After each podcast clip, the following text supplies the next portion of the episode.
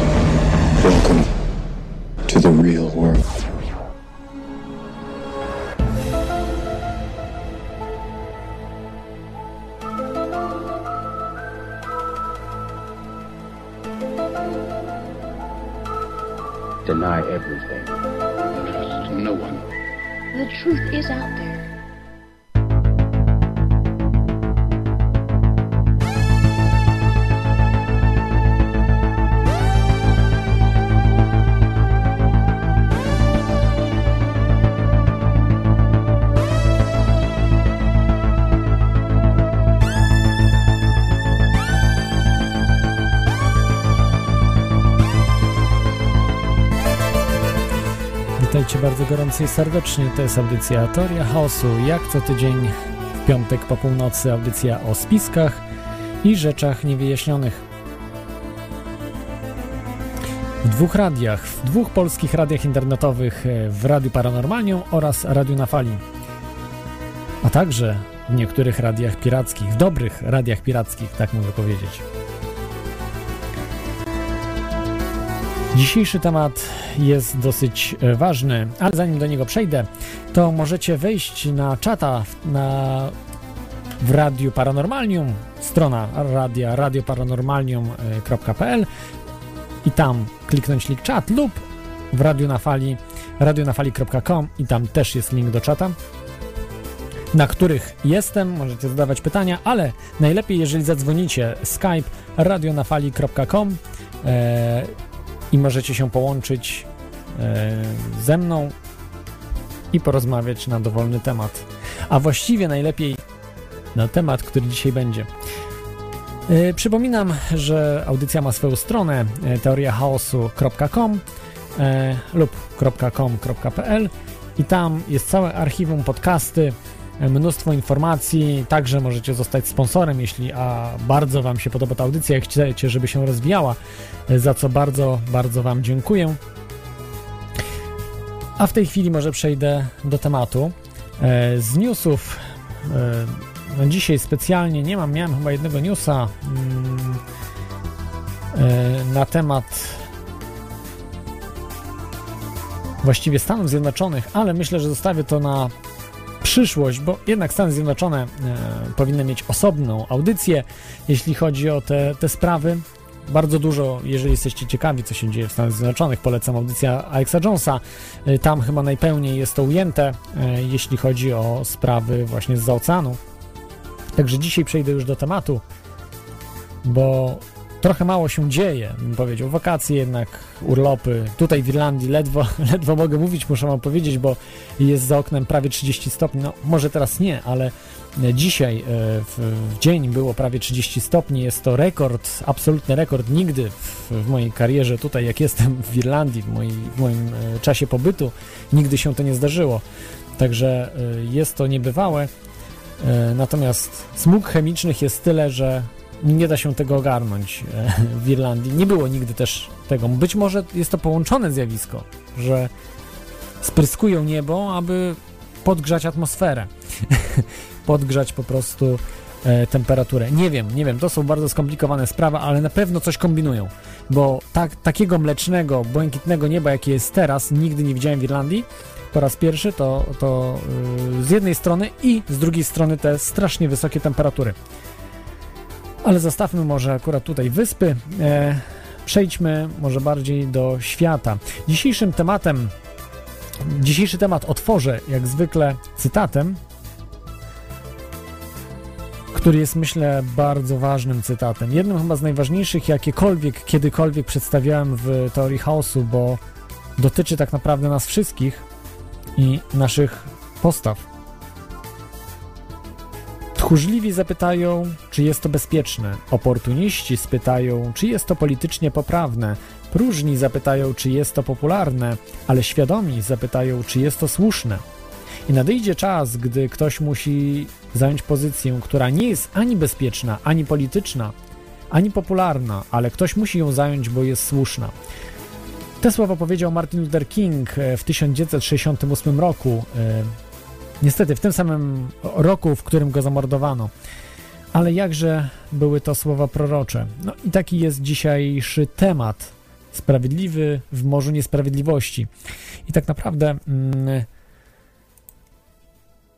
ten temat nie dotyczy osoby, o której dzisiaj będziemy najwięcej mówili, ale ogólnie tak naprawdę o nas samych i o tym, czy my w życiu staramy się postępować słusznie, czy może właśnie troszeczkę inaczej zajmujemy właśnie bezpieczne, oportunistyczne, e, polityczne, e, no, oportunistyczne, prawda, e, próżne pozycje, popularne, e, czy właśnie zajmujemy te pozycje słuszne.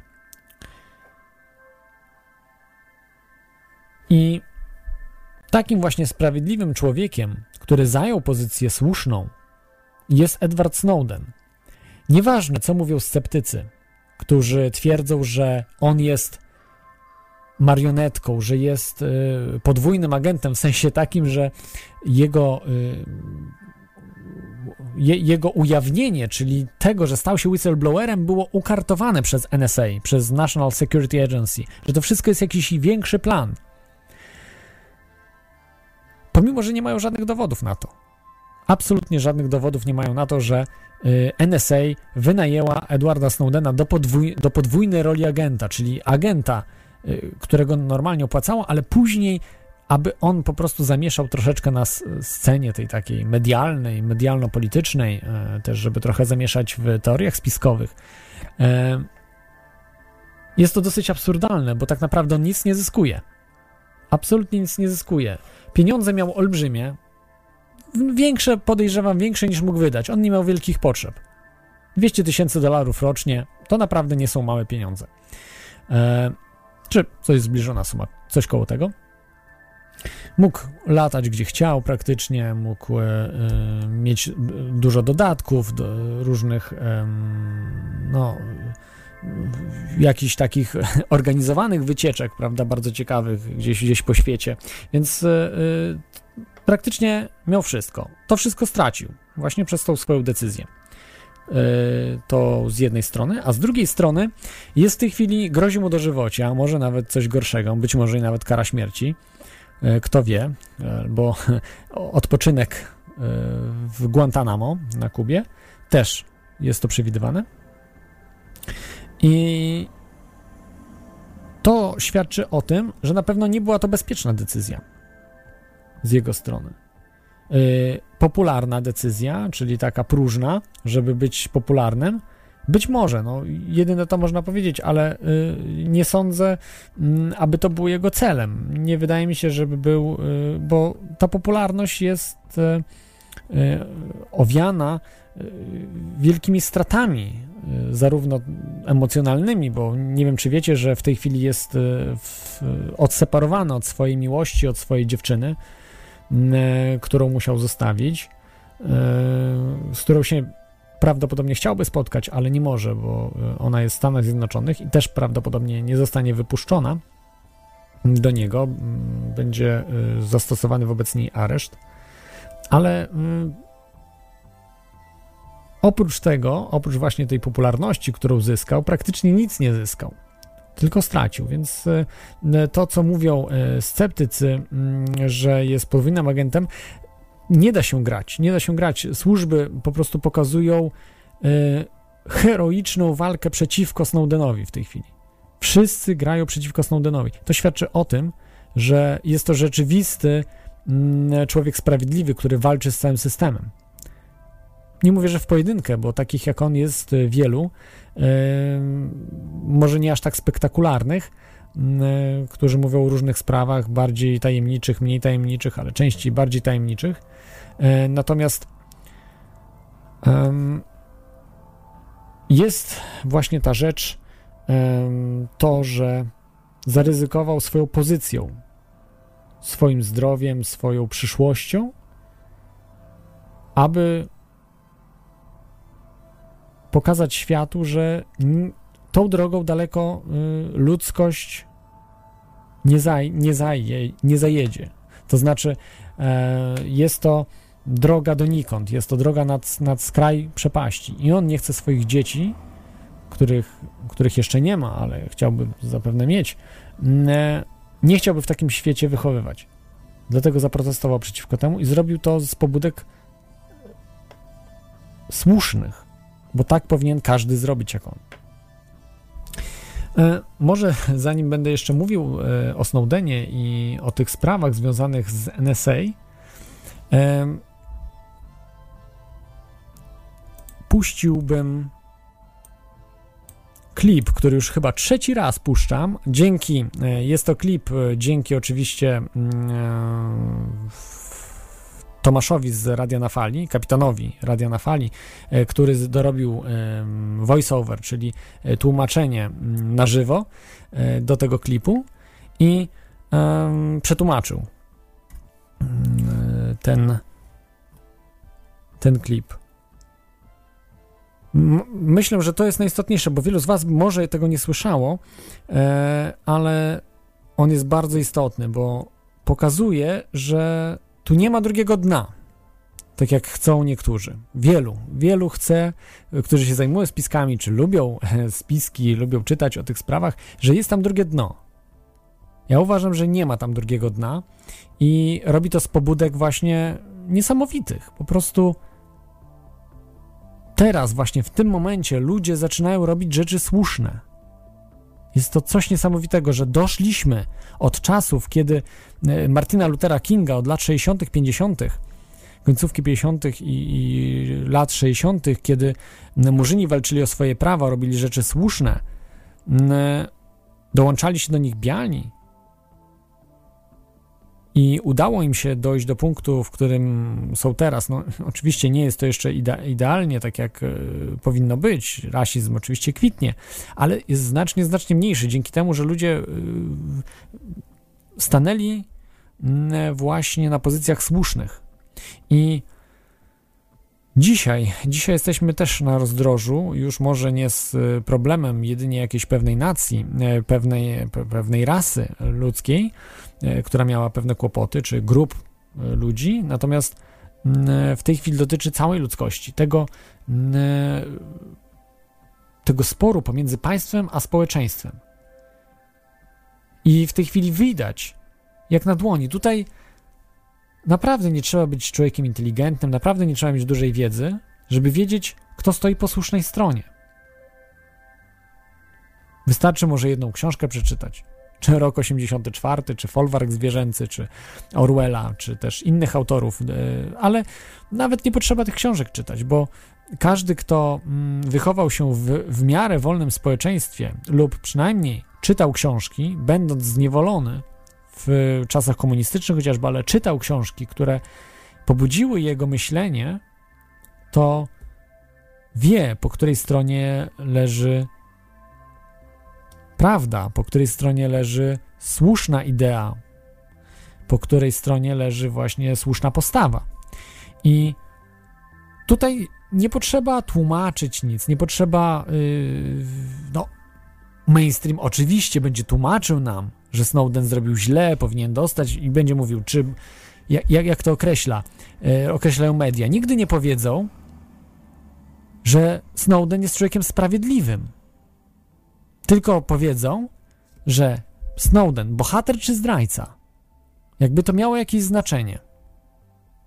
Bohater czy zdrajca może nie być sprawiedliwym człowiekiem. Bohater e, napaści Greków na Troję e, Oczywiście kontekst był bardziej zaawansowany, ale powiedzmy, yy, był taki bohater Achilles, który e, mordował wielu ludzi i był bohaterem, to znaczy greckim bohaterem, półbogiem, który, e, który zwyciężył, prawda, Trojan. Grecy zwyciężyli właśnie między innymi dzięki temu, oczywiście to jest legenda, ale i był bohaterem, ale czy był sprawiedliwym człowiekiem, e, czy półbogiem, ale powiedzmy człowiekiem, nie był. I nigdy nie usłyszycie w mediach, że ktoś jest sprawiedliwy, bo y, to by pokazywało, że już nie ma dalszych pytań. Że nie, nie ma sensu stawiania pytań, czy jest bohaterem, czy jest zdrajcą. Bo zdrajca może robić rzeczy słuszne. Jak na przykład pułkownik Ryszard Kukliński, który wywiózł różne tajemnice Amerykanom. E, Niektórzy mówią, że był zdrajcą, niektórzy, że bohaterem. Czy zrobił rzecz słuszną? Trudno mi powiedzieć. E, Ale próbował coś przynajmniej zrobić. E, Był też e, oficer bezpieki jeszcze z lat 50., ś- e, pan, nie- niejaki pan Światło, e, chyba w stopniu pułkownika był albo majora. Już w tej chwili nie pamiętam, ale, e, ale także zdezerterował na zachód i zaczął opowiadać o tych złych rzeczach, które się dzieją w Polsce i tutaj w bloku wschodnim. Jakie są represje wobec ludzi i zaczął to ujawniać. I to po prostu był zdrajcą oczywiście dla systemu komunistycznego, był bohaterem dla systemu e, kapitalistycznego, albo może nie do końca bohaterem, ale takim czymś, kimś pomiędzy, ale to uważam, że była słuszna mm, decyzja, aby informować ludzi o tych sprawach. Także każdy, kto przeciwstawił się e, chociażby mm, e, rządom hitlerowskim prawda, w Niemczech, robił słusznie, pomimo, że mógł być uważany za zdrajcę przez Niemców innych, mm, e, pomimo, że mógł być uważany mm, no, za bohatera przez nikogo tak naprawdę, bo w tamtych latach, w latach 30., jeszcze kiedy nie, II wojna światowa nie wybuchła, praktycznie Zachód się nie e, interesował e, tym, co się dzieje w Niemczech i na pewno nie byli uważani za bohaterów ci ludzie na, na Zachodzie, prawda? Ci, którzy walczyli z Hitlerem. Na, na swój sposób, bo nie mieli zaplecza, ale, ale próbowali. To było słuszne.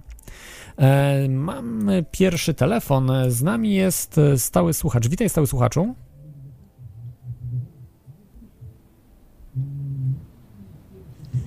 Już się wyciszam. Ta, tak, tak, tak. Y, proszę wycisz tam, jeśli możesz, wszystkie... Dzień dobry. Y, Pierwsza tak. rzecz, y, jedynie nowa informacja. Y, poprosił azyl w, w Rosji i został przyje, azyl został mu przyznany, ale pod warunkiem, że nie będzie szkodził, czyli ujawniał dane informacji Stanów Zjednoczonych, ale to azyl tymczasowy potem ma, ma tam na te, do tych krajów po, południowych ma się jakoś przenieść.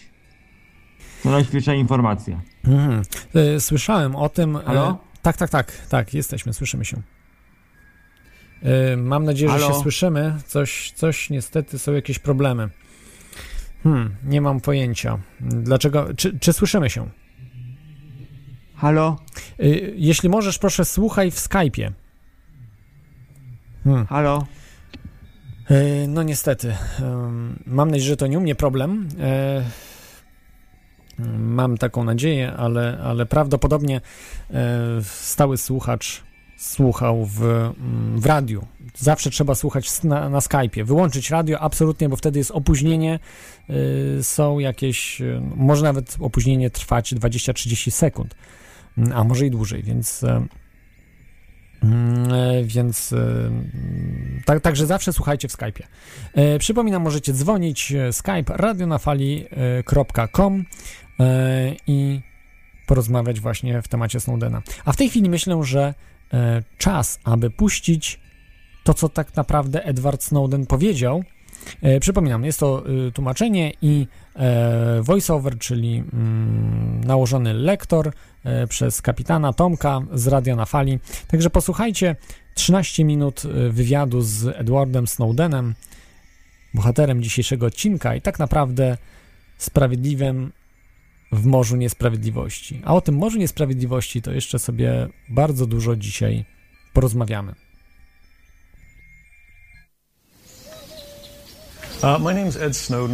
Nazywam się Edward Snowden, mam 29 lat, pracuję dla Booz Allen Hamilton. Jestem specjalistą od spraw infrastruktury w NSA, National Security Agency na Hawajach. Na jakiej pozycji byłeś i co robiłeś wcześniej, zanim trafiłeś do agencji? Uh, a systems Byłem inżynierem systemów, administratorem i operatorem systemów, młodszym doradcą dla CIA, konsultantem i oficerem do spraw technologii komunikacyjno-wywiadowczych. a solutions consultant and a uh, telecommunications information systems officer. One of the things people are going to be E, Ludzie próbują zrozumieć, kim jesteś, kiedy przekraczasz tą linię, co miało wpływ na to, że podjąłeś decyzję, żeby zostać whistleblowerem. There came some point in time when you crossed this line of thinking about being a whistleblower um, to making the choice to actually become a whistleblower. Walk people through that decision-making process. Uh, Um, Jeśli jesteś na stanowisku administratora systemów agencji wywiadowczej, masz ten przywilej dostępu do wielu informacji, e, wielu informacji na międzynarodową skalę, do których nie ma dostępu żaden z szeregowych pracowników, widzisz rzeczy, które potrafią tobą wstrząsnąć. Kiedy podczas kariery jako szeregowy pracownik spotykasz e, dwie, może jedną taką informację, nie robi to na tobie wrażenia. Ale jeśli widzisz to wszystko i widzisz to ciągle, część z tych rzeczy to właściwie nadużycia. i kiedy mówisz o tym ludziom dookoła, gdzie to jest normalną praktyką biznesową, gdzie wolą e, nie brać tego poważnie, trzymać się z daleka, nie chcą tego brać serio, a czasem, e, ale z czasem świadomość tego, że to nie jest w porządku, w tobie rośnie. and you feel compelled to talk about it. And the more you talk about it, the more you're ignored, the more you're told it's not a problem. Więcej o tym mówisz, bardziej ignorują. To nie jest problem. Do momentu, kiedy rozumiesz, że te informacje powinny być ogólnie dostępne dla ludzi, a nie dla kogoś, kto jest właściwie zatrudniony przez rząd. E, Pogadajmy o tym, jak ta inwigilacja działa i czy uderza w Amerykanów. NSA E, i reszta ludzi z wywiadu generalnie jest skoncentrowana na tym, żeby zbierać informacje gdziekolwiek się da i gdziekolwiek jest to możliwe, wierząc w słuszność własnych działań, powołując się na interes bezpieczeństwa narodowego. Oryginalnie dopasowano ten mechanizm na potrzeby nadzorowania wywiadu zagranicznego. A teraz rośnie i szpiegowanie wdziera się do domów zwykłych obywateli. I żeby to zrozumieć, szczególnie NSA e, celują w komunikacji każdego z nas. To nie jest ich podstawowe, to jest ich podstawowe pożywienie. Zbierają dane w systemie, filtrują, analizują, mierzą i składają od jakiegoś czasu. Po prostu dlatego, że to najłatwiejsza i najbardziej efektywna i najcenniejsza metoda na to, żeby doprowadzić to do końca. E, Dlaczego zmierzają do tego, żeby brać na celownik każdego, kto nie jest związany z zagrożeniem rządowym albo terrorystycznym? Zbierają informacje o całej Twojej komunikacji. Uh, E, Każdy analityk może w każdym momencie oznaczyć każdego jako cel, zależnie od wielkości siatki filtrów.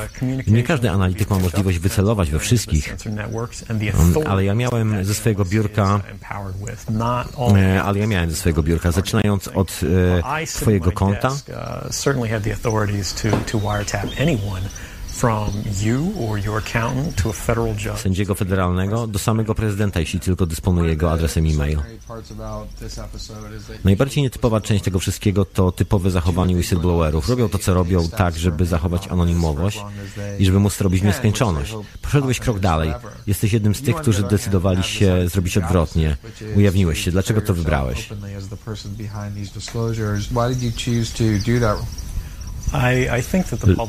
Ludzie mają e, własne wytłumaczenie na temat motywacji kierującymi ludźmi, ujawi- ujawniającymi to, co jest demokratycznym modelem. Kiedy obalasz moc rządu, jest to fundamentalnym zagrożeniem dla demokracji.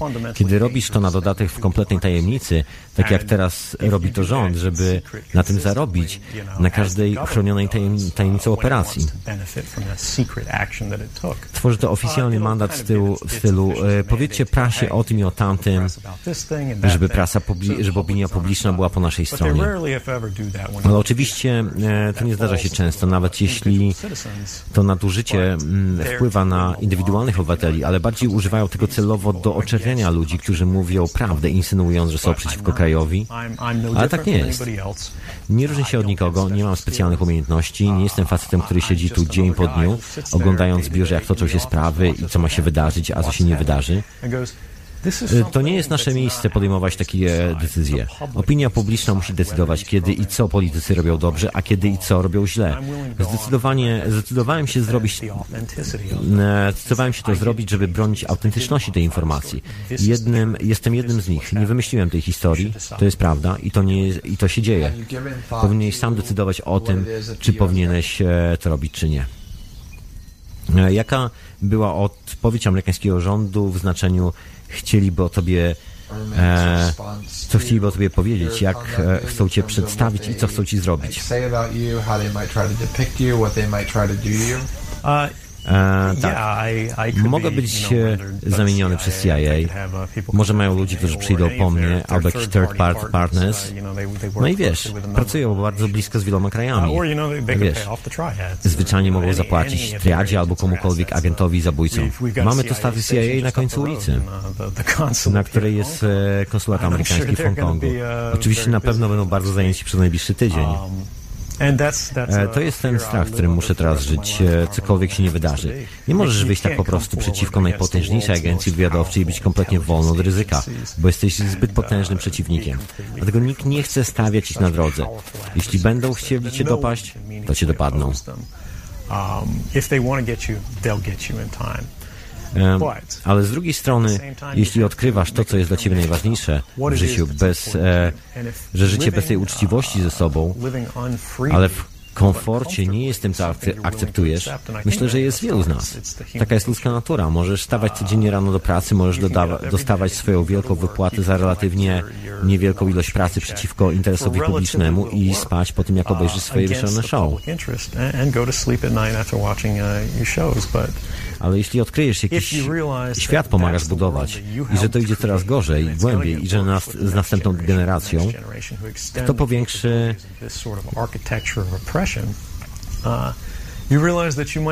kto powiększa pojemność tej architektury opresji? Odkrywasz, że akceptujesz każde ryzyko, niezależnie od wyniku. Tak długo, jak to potrzebne, żeby opinia publiczna mogła sama o sobie decydować. Dlaczego ludzie powinni się przejmować, że em, są nadzorowani? Bo jeśli nie robisz niczego złego, ale pomimo to jesteś cały czas podglądany, nagrywany, a pojemność systemu zwiększa się z roku na rok adekwatnie w stosunku do ilości danych, doszło do tego momentu, że nie musisz robić nic złego. Wystarczy, że ktoś ciebie rzuci na, że ktoś na ciebie rzuci podejrzenie. Zły telefon, pomyłka, do tego cała baza danych ze wszystkim, co napisałeś. Twoja poczta dzięki temu, e, dzięki temu systemowi mogą wrócić do czegokolwiek, co kiedykolwiek powiedziałeś, każdej opinii, którą się podzieliłeś z przyjaciółmi, zaatakować ci i posadzić na podstawie materiału wyciągniętych z kontekstu.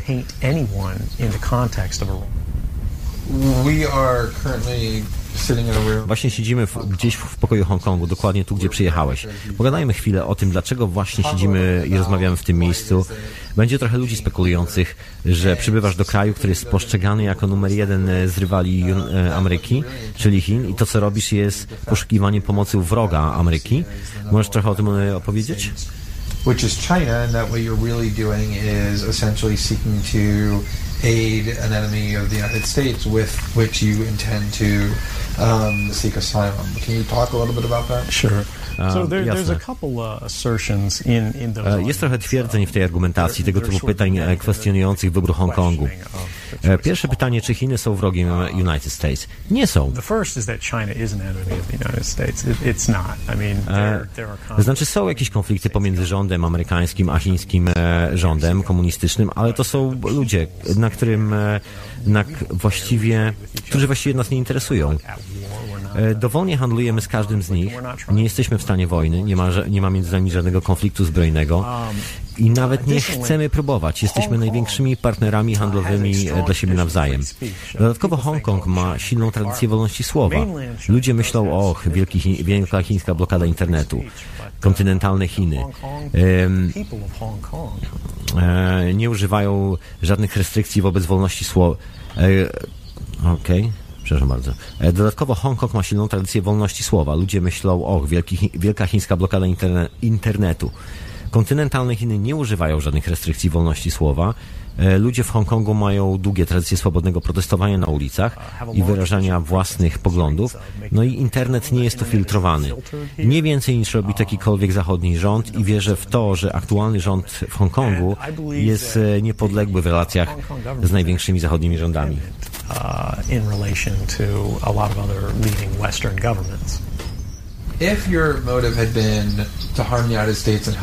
Jeśli twoja motywacja nie jest, nie zaszkadza Ameryce i nie chcesz pomagać wrogom Ameryki, albo, e, Przepraszam, jeśli twoją motywacją nie jest szkodzenie Ameryce i pomoc jej wrogom, albo jeśli, e, albo jeśli twoja motywacja, jeśli twoją motywacją było zebranie materiałów na swój prywatny użytek, żeby zrobić to, co teraz robisz, były tam takie rzeczy, z których można robić użytek przez wiele lat.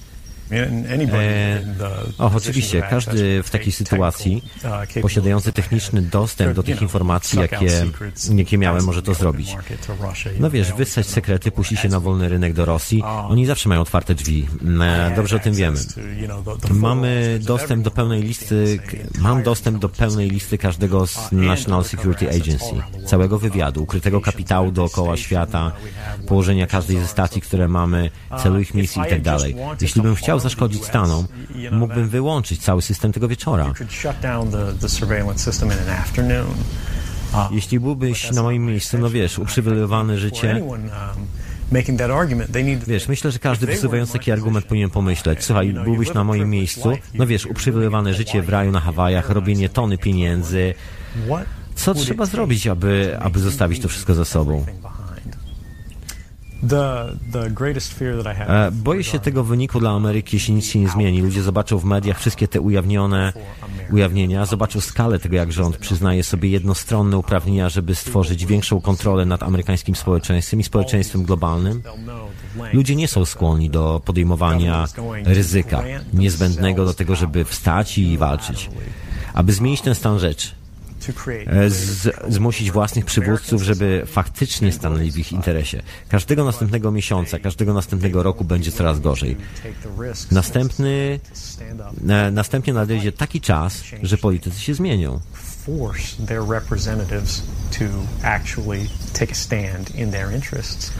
Uh, and the months ahead, the, the years ahead, it's only going to get worse until eventually there will be a time where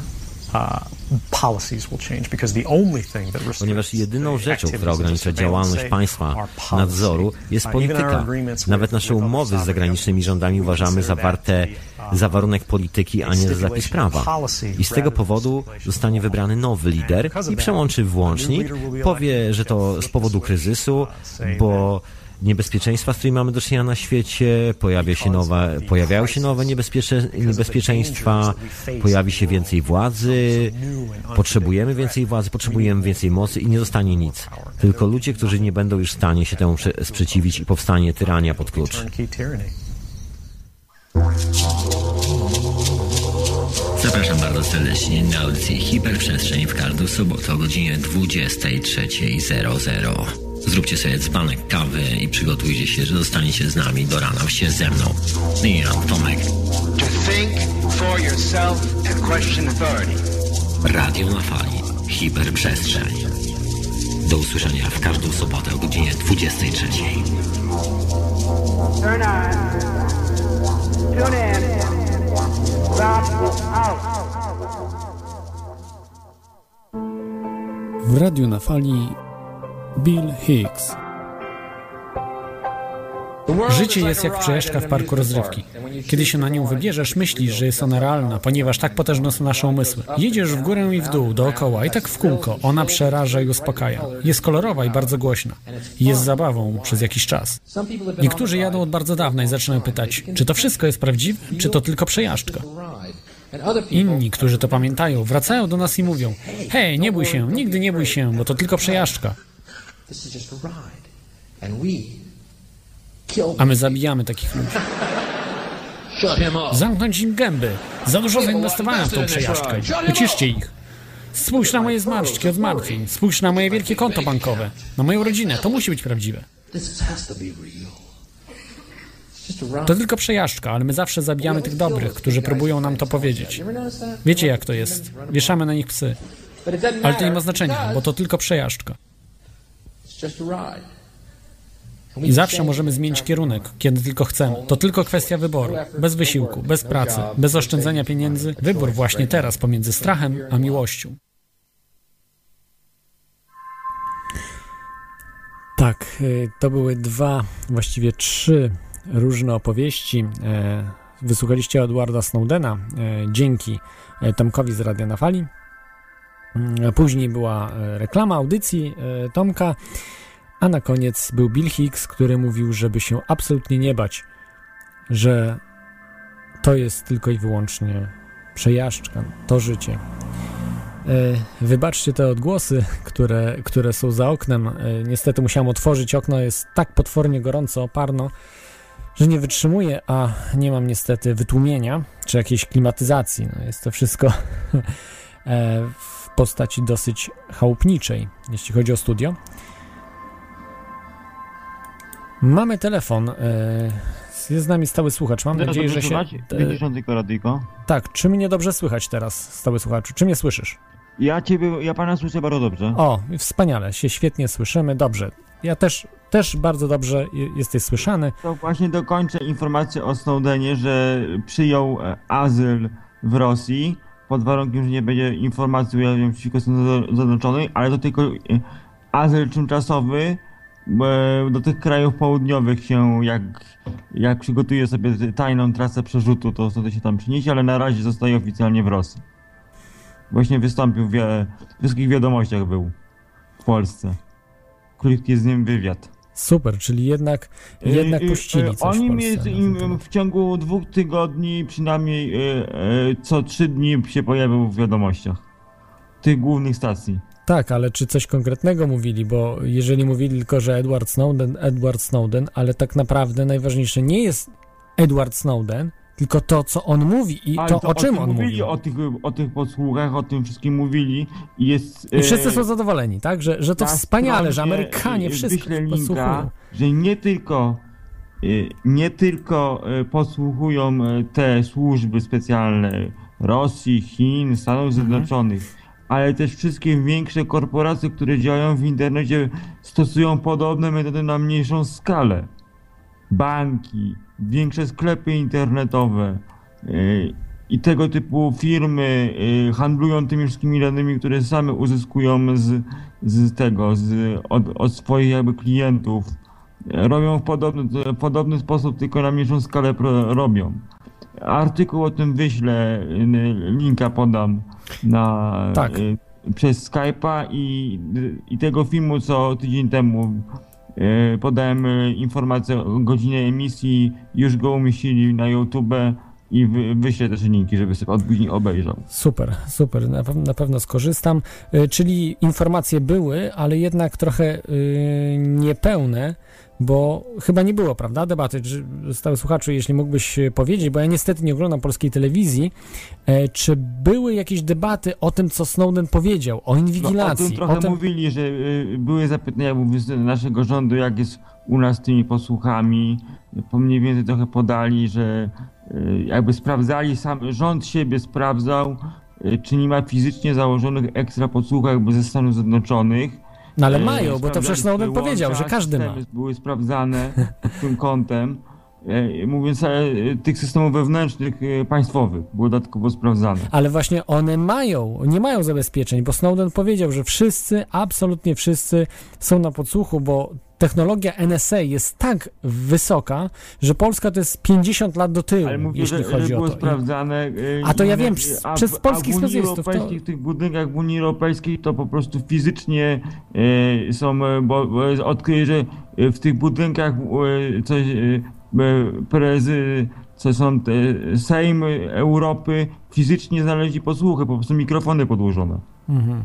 Fizycznie i po prostu było trzepanie wszystkich budynków przez wewnętrzne służby e, europejskie szukali tych podsłuchów. No tak, ja słyszałem właśnie o tym na, na spotkaniach elektronicznie G20. urządzenia no były tak. zamontowane. Tak, tak, były tak. to- trzepane G8. po prostu były i były sprawdzane. A mówiąc krótko, ja, ja, to tylko moje zdanie.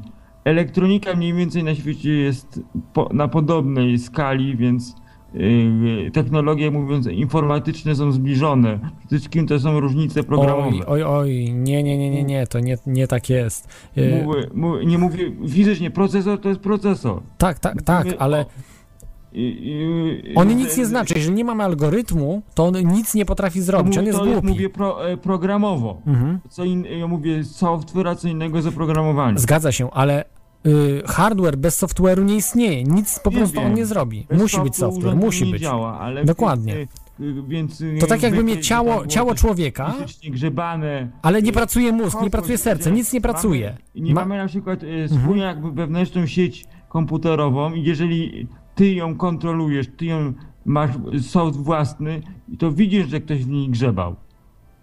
Z zewnątrz.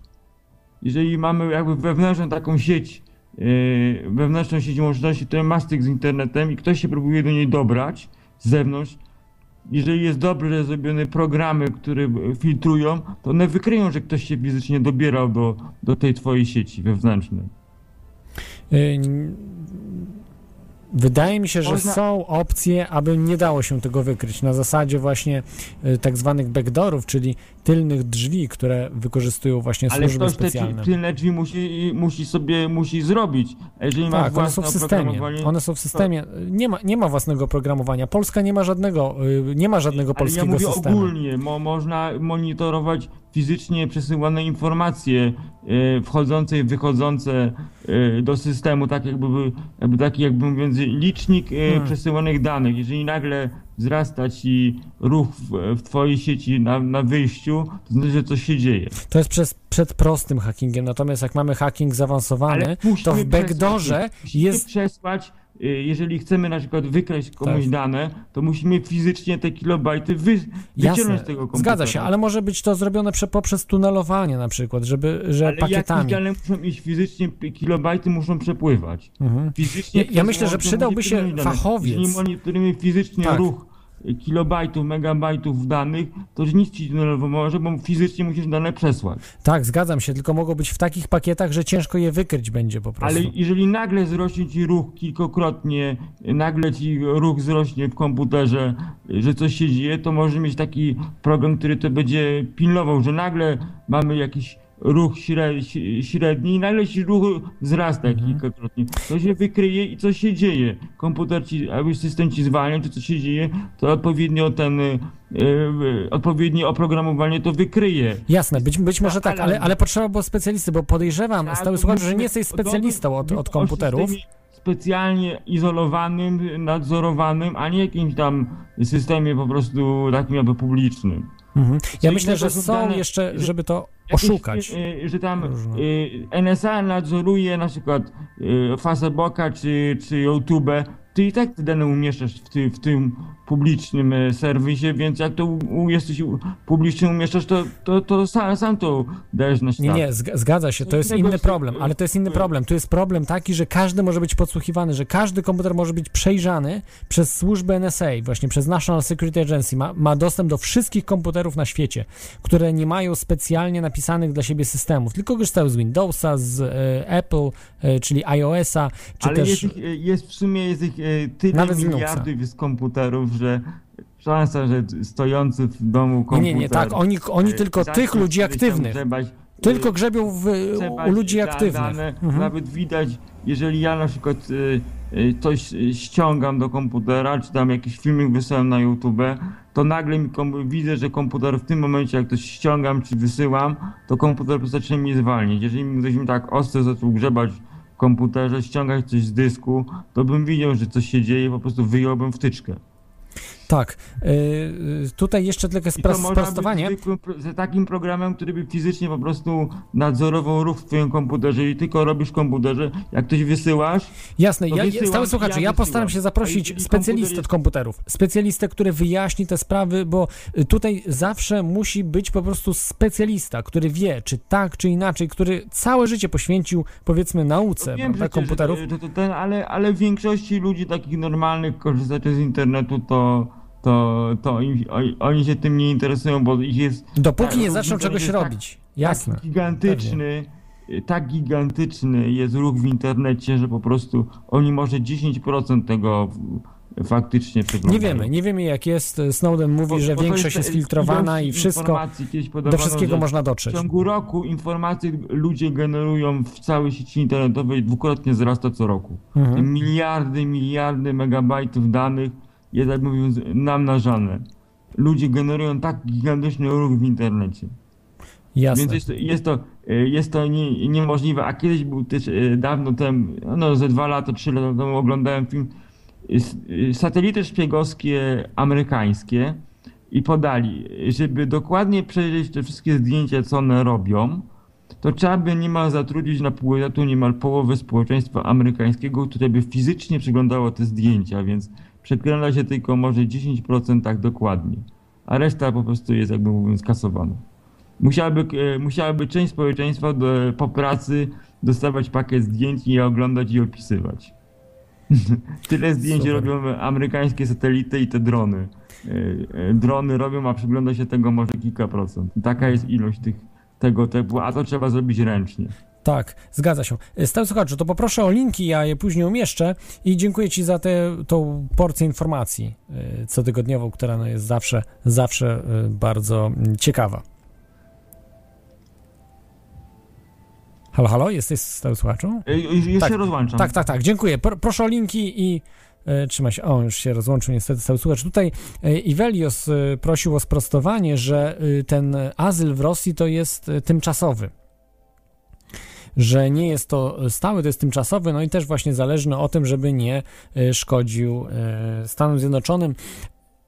I Rosja i Chiny właśnie robią to po to, aby pokazać, że nie są, że Edward Snowden nie jest ich agentem żeby nie podejrzenie nie padały, że Edward Snowden właśnie e, był podwójnym agentem i, i pracował tak naprawdę dla Rosji czy Chin. Ale wyraźnie widać, że tym agentem nie jest Rosji ani Chin. Jest po prostu wolnym człowiekiem, który postanowił zrobić to, co jest słuszne i to, co powinniśmy my też zrobić. W naszym oczywiście małym zakresie, który możemy wdrożyć w naszym życiu. I ludzi świadomych nie da się kontrolować, nawet jeśli mm, będą inwigilowali wszystko. To ludzie świadomi po prostu wymienią sobie władzę, wymienią tych ludzi, którzy w tej chwili są w tych służbach specjalnych. Zmienią prawo. Zmienią mnóstwo rzeczy, które dzisiaj są złe i dzięki którym mamy to, co mamy w tej chwili że y, żyjemy, jakbyśmy byli w XIX wieku, a nawet no, na początku XX wieku. To znaczy, świat się wtedy szybciej rozwijał niż dzisiaj, ale dzisiaj się praktycznie nie rozwija. Ludzie, parę dziedzin jedyny, jedynie gdzieś tam do przodu idzie. Polecam audycję, którą nagrałem właśnie, mm, jeśli chodzi o roz, rozwój mm, e, ludzkości porównywałem do chociażby do, do tempa przemieszczania się ludzi, do tempa przesyłania informacji, jak to było w czasach wcześniejszych, w XIX, nawet XVIII wieku, czy XX wieku, a jak to jest dzisiaj. I wiele z tych rzeczy po prostu jest dzisiaj e, wolniejszych niż było to kiedyś, m, co jest dosyć dziwną sprawą, e, albo przynajmniej nie rośnie, chociażby prędkość transportu. Ale wracając już do dzisiejszego tematu, Mm, i do pana Snowdena, to y, tak jak mówiłem e, wcześniej i to, co mogliście słyszeć, właśnie to, co powiedział, co było najważniejszą sprawą tak naprawdę, e, że mm, robi to dla przyszłych pokoleń. Nie robi dla siebie też, ale on wie, że jest przegrany. On dzięki temu, to co on zrobił, to wie, że przekreśliło to jego osobę i, i jego pozycję, jego, no wszystko, co można sobie wyobrazić.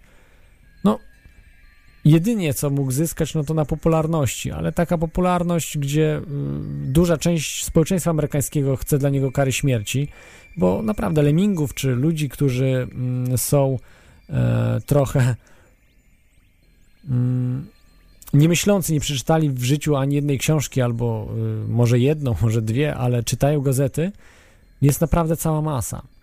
I już kiedyś przytaczałem to, e, ten cytat Thomasa Jeffersona, że lepiej nic nie czytać, niż czytać gazety, niż czytać tylko gazety.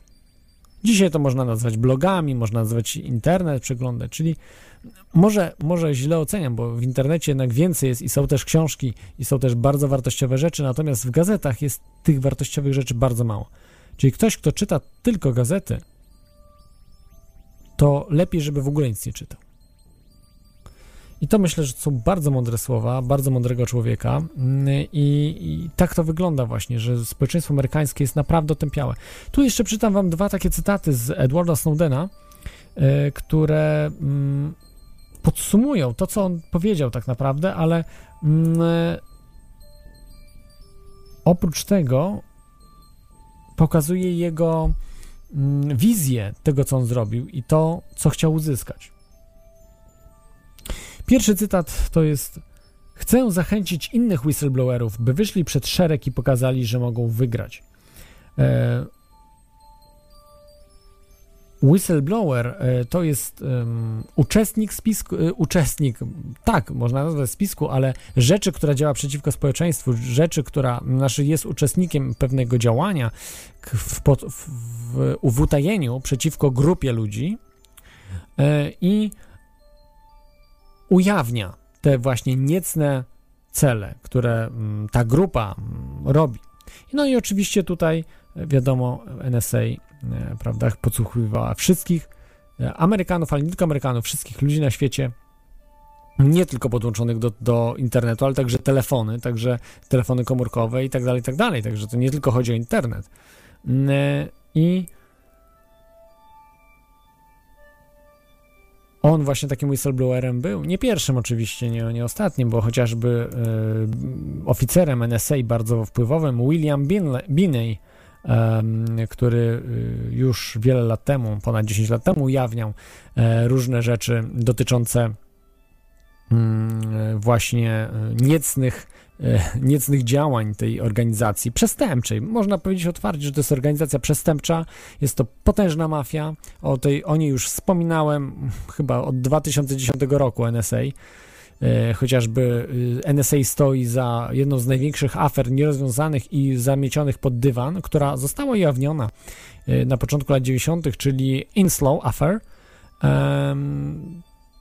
W Stanach nawet nikt o niej nie wie. Wyobraźcie sobie, w Polsce, już nie mówiąc o Polsce, ale w Stanach nie ma nikt o niej pojęcia, a tak naprawdę to było pierwsze, pierwsza afera, w której y, zaczęto wgrywać backdory do systemów gdzie jeszcze praktycznie internetu nie było, bo to były lata 80. Ten internet dopiero był tworzony z ARPANETu e, i były już tam wgrywane backdory. Dzisiaj te backdory są dużo bardziej złożone, dużo bardziej potężne. Przy tych backdorach pracuje Microsoft, Apple firma, e, Google i wiele innych przedsiębiorstw, które razem z NSA tworzą tylne drzwi, aby można było was podsłuchiwać. No, mnie też oczywiście bo y, są być może niektóre y, systemy, ale nawet podejrzewa się taki system, który miał być super bezpieczny OpenBSD. I wyobraźcie sobie, że twórca tego systemu współpracował z NSA właśnie, z e, służbami specjalnymi. Więc tak naprawdę wszystkie systemy dano mu ultimatum, że e, albo chce żyć, albo albo chce dobrze zarabiać i, i pozwolić na backdora. No i niestety prawdopodobnie tam backdoor też jest. Nie mówiąc już o Linuxie, Linux jest, jest y, jak szwajcarski ser zbackdoorowany. Natomiast, y, natomiast właśnie te systemy BSD były dosyć y, bezpieczne, szczególnie OpenBSD, ale tam e, też właśnie podejrzewa się, że ten backdoor jest. E, I nie wiem, czy jakiś system jest bez backdora. Można podejrzewać, ja nie mam dowodów na to oczywiście, bo to, y, to mogło być niebezpieczne. E, twórca backdora do, w aferze Inslow do systemów bazodonowych nie żyje, został zamordowany. Twórca tego systemu bazodanowego żyje, ale został e, wyśmiany kompletnie i, i, wie, że nie może mówić, bo też grozi mu śmierć. Mnóstwo ludzi, którzy badało to, jak chociażby dany Casolaro, który wykrył bardzo dużo powiązań w tej aferze, które prowadzą do Watykanu między innymi też, o dziwo, poprzez Watykan, Iran, e, okazało się, że Iran kontrast też jest związany z tym, czyli szmuglowanie z, w jedną stronę broni, w drugą stronę narkotyków do Stanów Zjednoczonych. E, jest tym, z tym też powiązane. Także mnóstwo, mało tego, nawet powiązany był e, upadek w pewnym sensie, upadek, a właściwie ponowną komputeryzację bloku wschodniego, także i Polski, ale i em, i, i Związku Radzieckiego, y, gdzie po upadku tegoż Związku Radzieckiego i upadku komunizmu zaczęto w latach, na początku lat 90. komputeryzować, a właściwie już nawet pod koniec lat 80. komputeryzować y, ten blok wschodni, wykorzystując właśnie backdory, czy systemy bazowe, które miały te backdory. Edward Snowden powiedział właśnie, że w tej chwili już te backdory są wszędzie i on mógł oglądać każdy komputer, mógł po prostu wejść w wasz komputer jak w masło, nóż wchodzi. Niestety, to, to są fakty i to nie jest na zasadzie tak, jak nam się wydaje, że e, po prostu trzeba wejść na jakąś stronę, coś zrobić. Nie, to jest w systemie komputerowym, a nawet może jeszcze głębiej, może w urządzeniach nawet, w kartach sieciowych, że być może nawet można odpalić komputer yy, zdalnie. Mogą odpalić komputer i sczytać twój dysk twardy. Chyba, że masz odpowiednie zabezpieczenia do tego. Mm, Wyłączenie na przykład od prądu, no to wtedy wiadomo, że nie włączą. Ale jeśli masz włączenie do prądu i być może nawet są takie rzeczy, że jeżeli wyłączysz tak zwany wake on LAN, y, czyli budzenie komputera y, poprzez kartę sieciową, nawet jak masz wyłączoną tą opcję, to być może są takie backdory urządzeń, w urządzeniach wgrane, że mogą odpalić ten komputer. Ja bym się nie zdziwił. Yy, I to, co mówi Edward Snowden, to nie są jakieś fantasmagorie, to nie są wymysły. On po prostu mówi, jak jest. Że tak to wygląda. I ludzie nie zadają pytań, że jesteśmy w świecie już Orwella. To nie jest, jak nam się wydaje, że jesteśmy inwigilowani, no, gdzieś podsłuch, że trzeba z, pozwolenie sądu. Bez żadnego sądu, nie ma żadnego sądu. Oni robią co chcą. Oni są ponad prawem. Oni są zarządcami świata tak naprawdę. Tak jak Donald Tusk powiedział, że nie może z synem rozmawiać, bo jest na podsłuchu. To w Polsce nie rządzi Donald Tusk tak naprawdę. Bo najwyższa osoba jest na podsłuchu. Nie było żadnej rozmowy na ten temat. Nie było żadnej rozmowy na temat właśnie inwigilacji y, naszego przyjaciela, Ameryka, y, amerykańskiego przyjaciela, który podsłuchiwał wszystkich Polaków, także polityków polskich. I podsłuchuje nadal. I robi to mm, z miłą chęcią. Niektórzy z Was, może mam nadzieję, że nie ma takich z Was w teorii chaosu, no ale powiedzmy, może się tak, tak sta, stać, zdarzyć, że uważacie, iż to dobrze, że się podsłuchuje, bo ja nie mam nic do ukrycia, a rząd powinien wykrywać przestępców, łobuzów, yy, jakichś no, pedofili, jakichś em, właśnie terrorystów, yy, no, takich em, ludzi, którzy chcą no, zrobić innym krzywdę i tak dalej, i tak dalej. E, nie, ten system do tego nie służy, a nawet jeśli by służył, to mm, jeżeli czytaliście rok 84, tam przestępczości praktycznie nie było. Nie było przestępczości w roku 84. Cóż wspaniałego, wspaniały system. Tam nikt nikogo nie mógł pobić.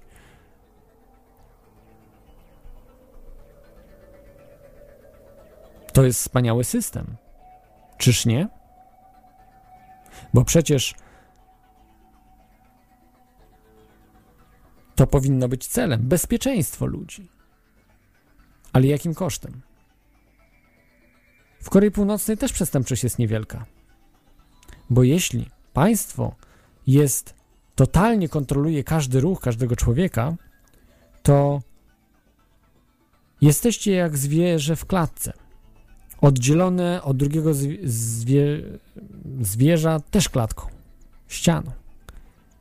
Więc nie może dojść do jakichś ekscesów. Ale wy nie możecie nic zrobić, po prostu wegetujecie. Jesteście jak, jak gorzej niż roślina, bo roślina może się rozmnażać sama, nie ma, nie ma granic. Wy macie te granice już zaznaczone. Macie klatkę. I takie życie to nie jest życie. To w tej chwili buduje się tą klatkę przezroczystą, abyście nie widzieli ścian.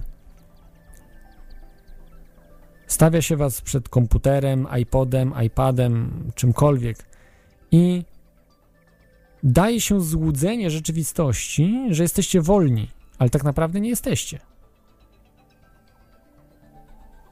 Bo na tą wolność musicie pracować, ale tak naprawdę nie pracujecie na swoją wolność, żeby mieć możliwość podróży, możliwość y, zarabiania, wydawania tych pieniędzy, bo z każdym rokiem budujecie system inwigilacji, system totalnej kontroli ekonomicznej waszej. System e, oprócz tego e, system prawa, który zniewala was totalnie, że byście nie mogli nic robić. No i w przyszłości będzie jeszcze system yy, totalny, medialny, abyście nie mogli mówić, czyli będzie mm, internet pod pełną kontrolą, będą media pod pełną kontrolą, które są już zresztą w dużej mierze skontrolowane, niemal, no w dużej mierze. Yy, Te media mainstreamowe na pewno. Media internetowe są kanalizowane, aby na przykład w Polsce to widać, PO PiS cały czas, jakieś bzdurne rzeczy, gdzie umykają tym ludziom najważniejsze sprawy, tak jak właśnie sprawa Edwarda Snowdena. Ich obchodzi, co tam Kaczyński powiedział, czy, czy Donald Tusk. To jest dla nich numer jeden, numer jeden temat. Za rok ich nie będzie może, może zginą w jakiejś innej katastrofie, albo coś się stanie, może ich nie będzie. I jaki sens jest ma ta dyskusja? Natomiast system inwigilacji totalnej będzie i będzie jeszcze sprawniejszy i będzie bardziej rozpowszechniony. On nie zniknie. On nie zniknie, dlatego po, po, pomyślimy, że nie chcemy. Trzeba coś zacząć działać, aby on znikł. Aby było wreszcie normalnie.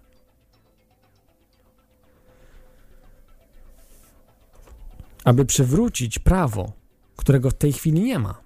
Bo w tej chwili jest podsłuch bez żadnego pozwolenia, bez żadnego prawa. Jest gorzej niż za komuny, bo za komuny jeszcze musieli mieć pozwolenie na inwigilację. Musieli mieć na przykład, żeby zrewidować jakiś pokój, u kogoś musieli mieć nakaz wejścia od sądu. To, że on był in blanco, to jest inna sprawa. Ale był. Dzisiaj nie ma takiej potrzeby. W największej demokracji świata, gdzie niby ludzie cieszą się wolnością, totalna inwigilacja jest bez żadnego, yy, bez żadnej ustawy, bez żadnego sądu. Jest to przerażające. Mnie to przeraża i mówię temu dosyć. Dlatego uważam Edwarda Snowdena nie za bohatera, czy zdrajcę. Bo to, to są szkolne terminy, aby mm, można powiedzieć skanalizować myślenie nasze o świecie. Nie, to jest postawa słuszna, takie jak my powinniśmy mieć. Każdy z nas. Ale niestety zajmujemy się, czy on jest bohaterem, czy zdrajcą czy Adam Mickiewicz był zdrajcą czy bohaterem, bo brał udział w powstaniu listopadowym, czy nie brał. No i tak dalej, tak dalej. Czy to było styczniowe? Mog mogłem się pomylić, ale chyba chodziło o listopadowe. Z nami jest Karol. Witaj, Karolu. Halo? Tak, jesteś na antenie? Tak, witam bardzo serdecznie. O, wit witaj. Dawno się nie słyszeliśmy. No tak. Dawno akurat nie miałem okazji dzwonić, ale dzisiaj bardzo ciekawy temat, dlatego chciałbym z Tobą trochę podyskutować. To, e, co myślisz, tak... bohater, Bo, bohater czy zdrajca? Nie, żartuję. Co myślisz o Edwardzie Snowdenie? Słuchaj... E... O tym, co mówi też. No ja myślę przede wszystkim, że on po prostu mówi prawdę, tak? I dla mnie ważniejsze jest nie to, czy jest tam zdrajcą, czy, czy nie zdrajcą, po prostu to, że mówi prawdę, tak? Nie wiem, czy mówi prawdę, być może kłamie, ale myślę, że ma pełno do tego prawo, żeby mówić to, co chce i nie powinien być w żaden sposób e, ukarany za to, nawet jeżeli zdradza tajemnicę państwa, no bo jeżeli e, państwo nie potrafi dotrzymać swoich sekretów, to znaczy, że jest nieudolne i nie może karać za to obywateli, prawda? sekret to sekret i, i, powinien być trzymany mm, w sekrecie po prostu. No wiesz, jeżeli sekretem jest na przykład, y, umówimy się, że zabijemy 90% ludzkości i nazwiemy to sekretem yy, i to jest tajemnica państwowa, prawda, o której nie wolno mówić, no to, mhm. to jest przestępstwo, tak? To jest przestępstwo wobec całej ludzkości i nazywanie tego że zdradą, to, yy, że na przykład powinno być karane, jest, jest, jest uważam, no, niemoralne samo w sobie, bo nie można robić z przestępstwa sekretu. Czyli jeżeli mamy przestępstwo, wbrew, działanie wbrew prawu, to, nie, to nie, nie obowiązuje żaden sekret. To jest po prostu yy, no, zbrodnia przeciwko ludzkości, można to powiedzieć. I taka inwigilacja być może jeszcze nie jest zbrodnią przeciwko ludzkości, ale w jakimś sensie jest zaczątkiem tego. Mm, Zgadzam się z Tobą jak najbardziej. E, Ale wiesz, tutaj jest trochę tak, że my możemy sobie dyskutować y, na temat tego, a ja bardziej chciałbym podyskutować na temat, co można zrobić, albo gdzie mm, jest ten powód, dla którego my dajemy się tak manipulować, prawda? E, Tutaj jest na przykład taka bardzo e, podobna sytuacja odnośnie tego, że mm, jest dużo e, takich miejsc, w których jest monitoring w miejscach publicznych, gdzie policja może monitorować obywateli, czy nie łamią prawa, no nie wiem, na przykład na ulicach, prawda? Ja chciałem Ciebie zapytać, jaki Ty masz na to pogląd? Czy chciałbyś żyć w społeczeństwie, gdzie publiczne ulice, ulice są monitorowane, że y, wtedy żaden obywatel nie popełnia przestępstw, nie wiem, nie ma jakichś bijatyk, nie ma mm, ludzi, którzy po pijaku zaczepiają innych. Nie, no są oczywiście absurdy, bo są. Dopóki nie będziemy, sterow- nie będziemy w klatce pełnej, takiej orwellowskiej, bo nie jesteśmy jeszcze, także to tam y, ten obraz, który mówiłem, że do tego dążymy, żeby każdy był w klatce. Jeszcze ta klatka jest luźna, jeszcze mogą zwierzęta przechodzić pomiędzy, y, pomiędzy tym ogrodzeniem, ale i mamy jedno wielkie ogrodzenie.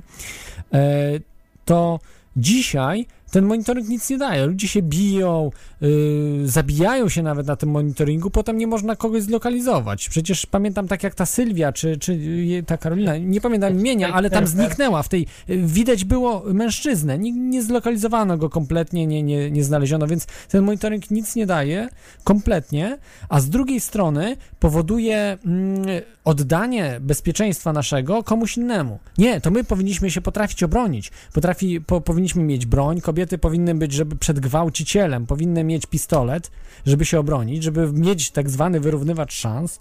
Chociażby Teksas. Dlaczego w Teksasie jest najbezpieczniej na świecie? No, w sensie prawie, prawie, że najbezpieczniejsze miejsce na świecie, bo każdy tam ma broń i wie przestępca, że wyrównane ma szanse, prawda? Przestępca z uczciwym, a uczciwych ludzi jest więcej niż przestępców, więc przestępcy tam się bardzo boją i jednak z Teksasu uciekają do, do, innych, do innych rejonów, tam gdzie nie ma broni, tam gdzie ludzie są rozbrojeni i e, muszą liczyć na policję, która przyjedzie albo nie przyjedzie za pół godziny, gdzie już możesz nie żyć po prostu.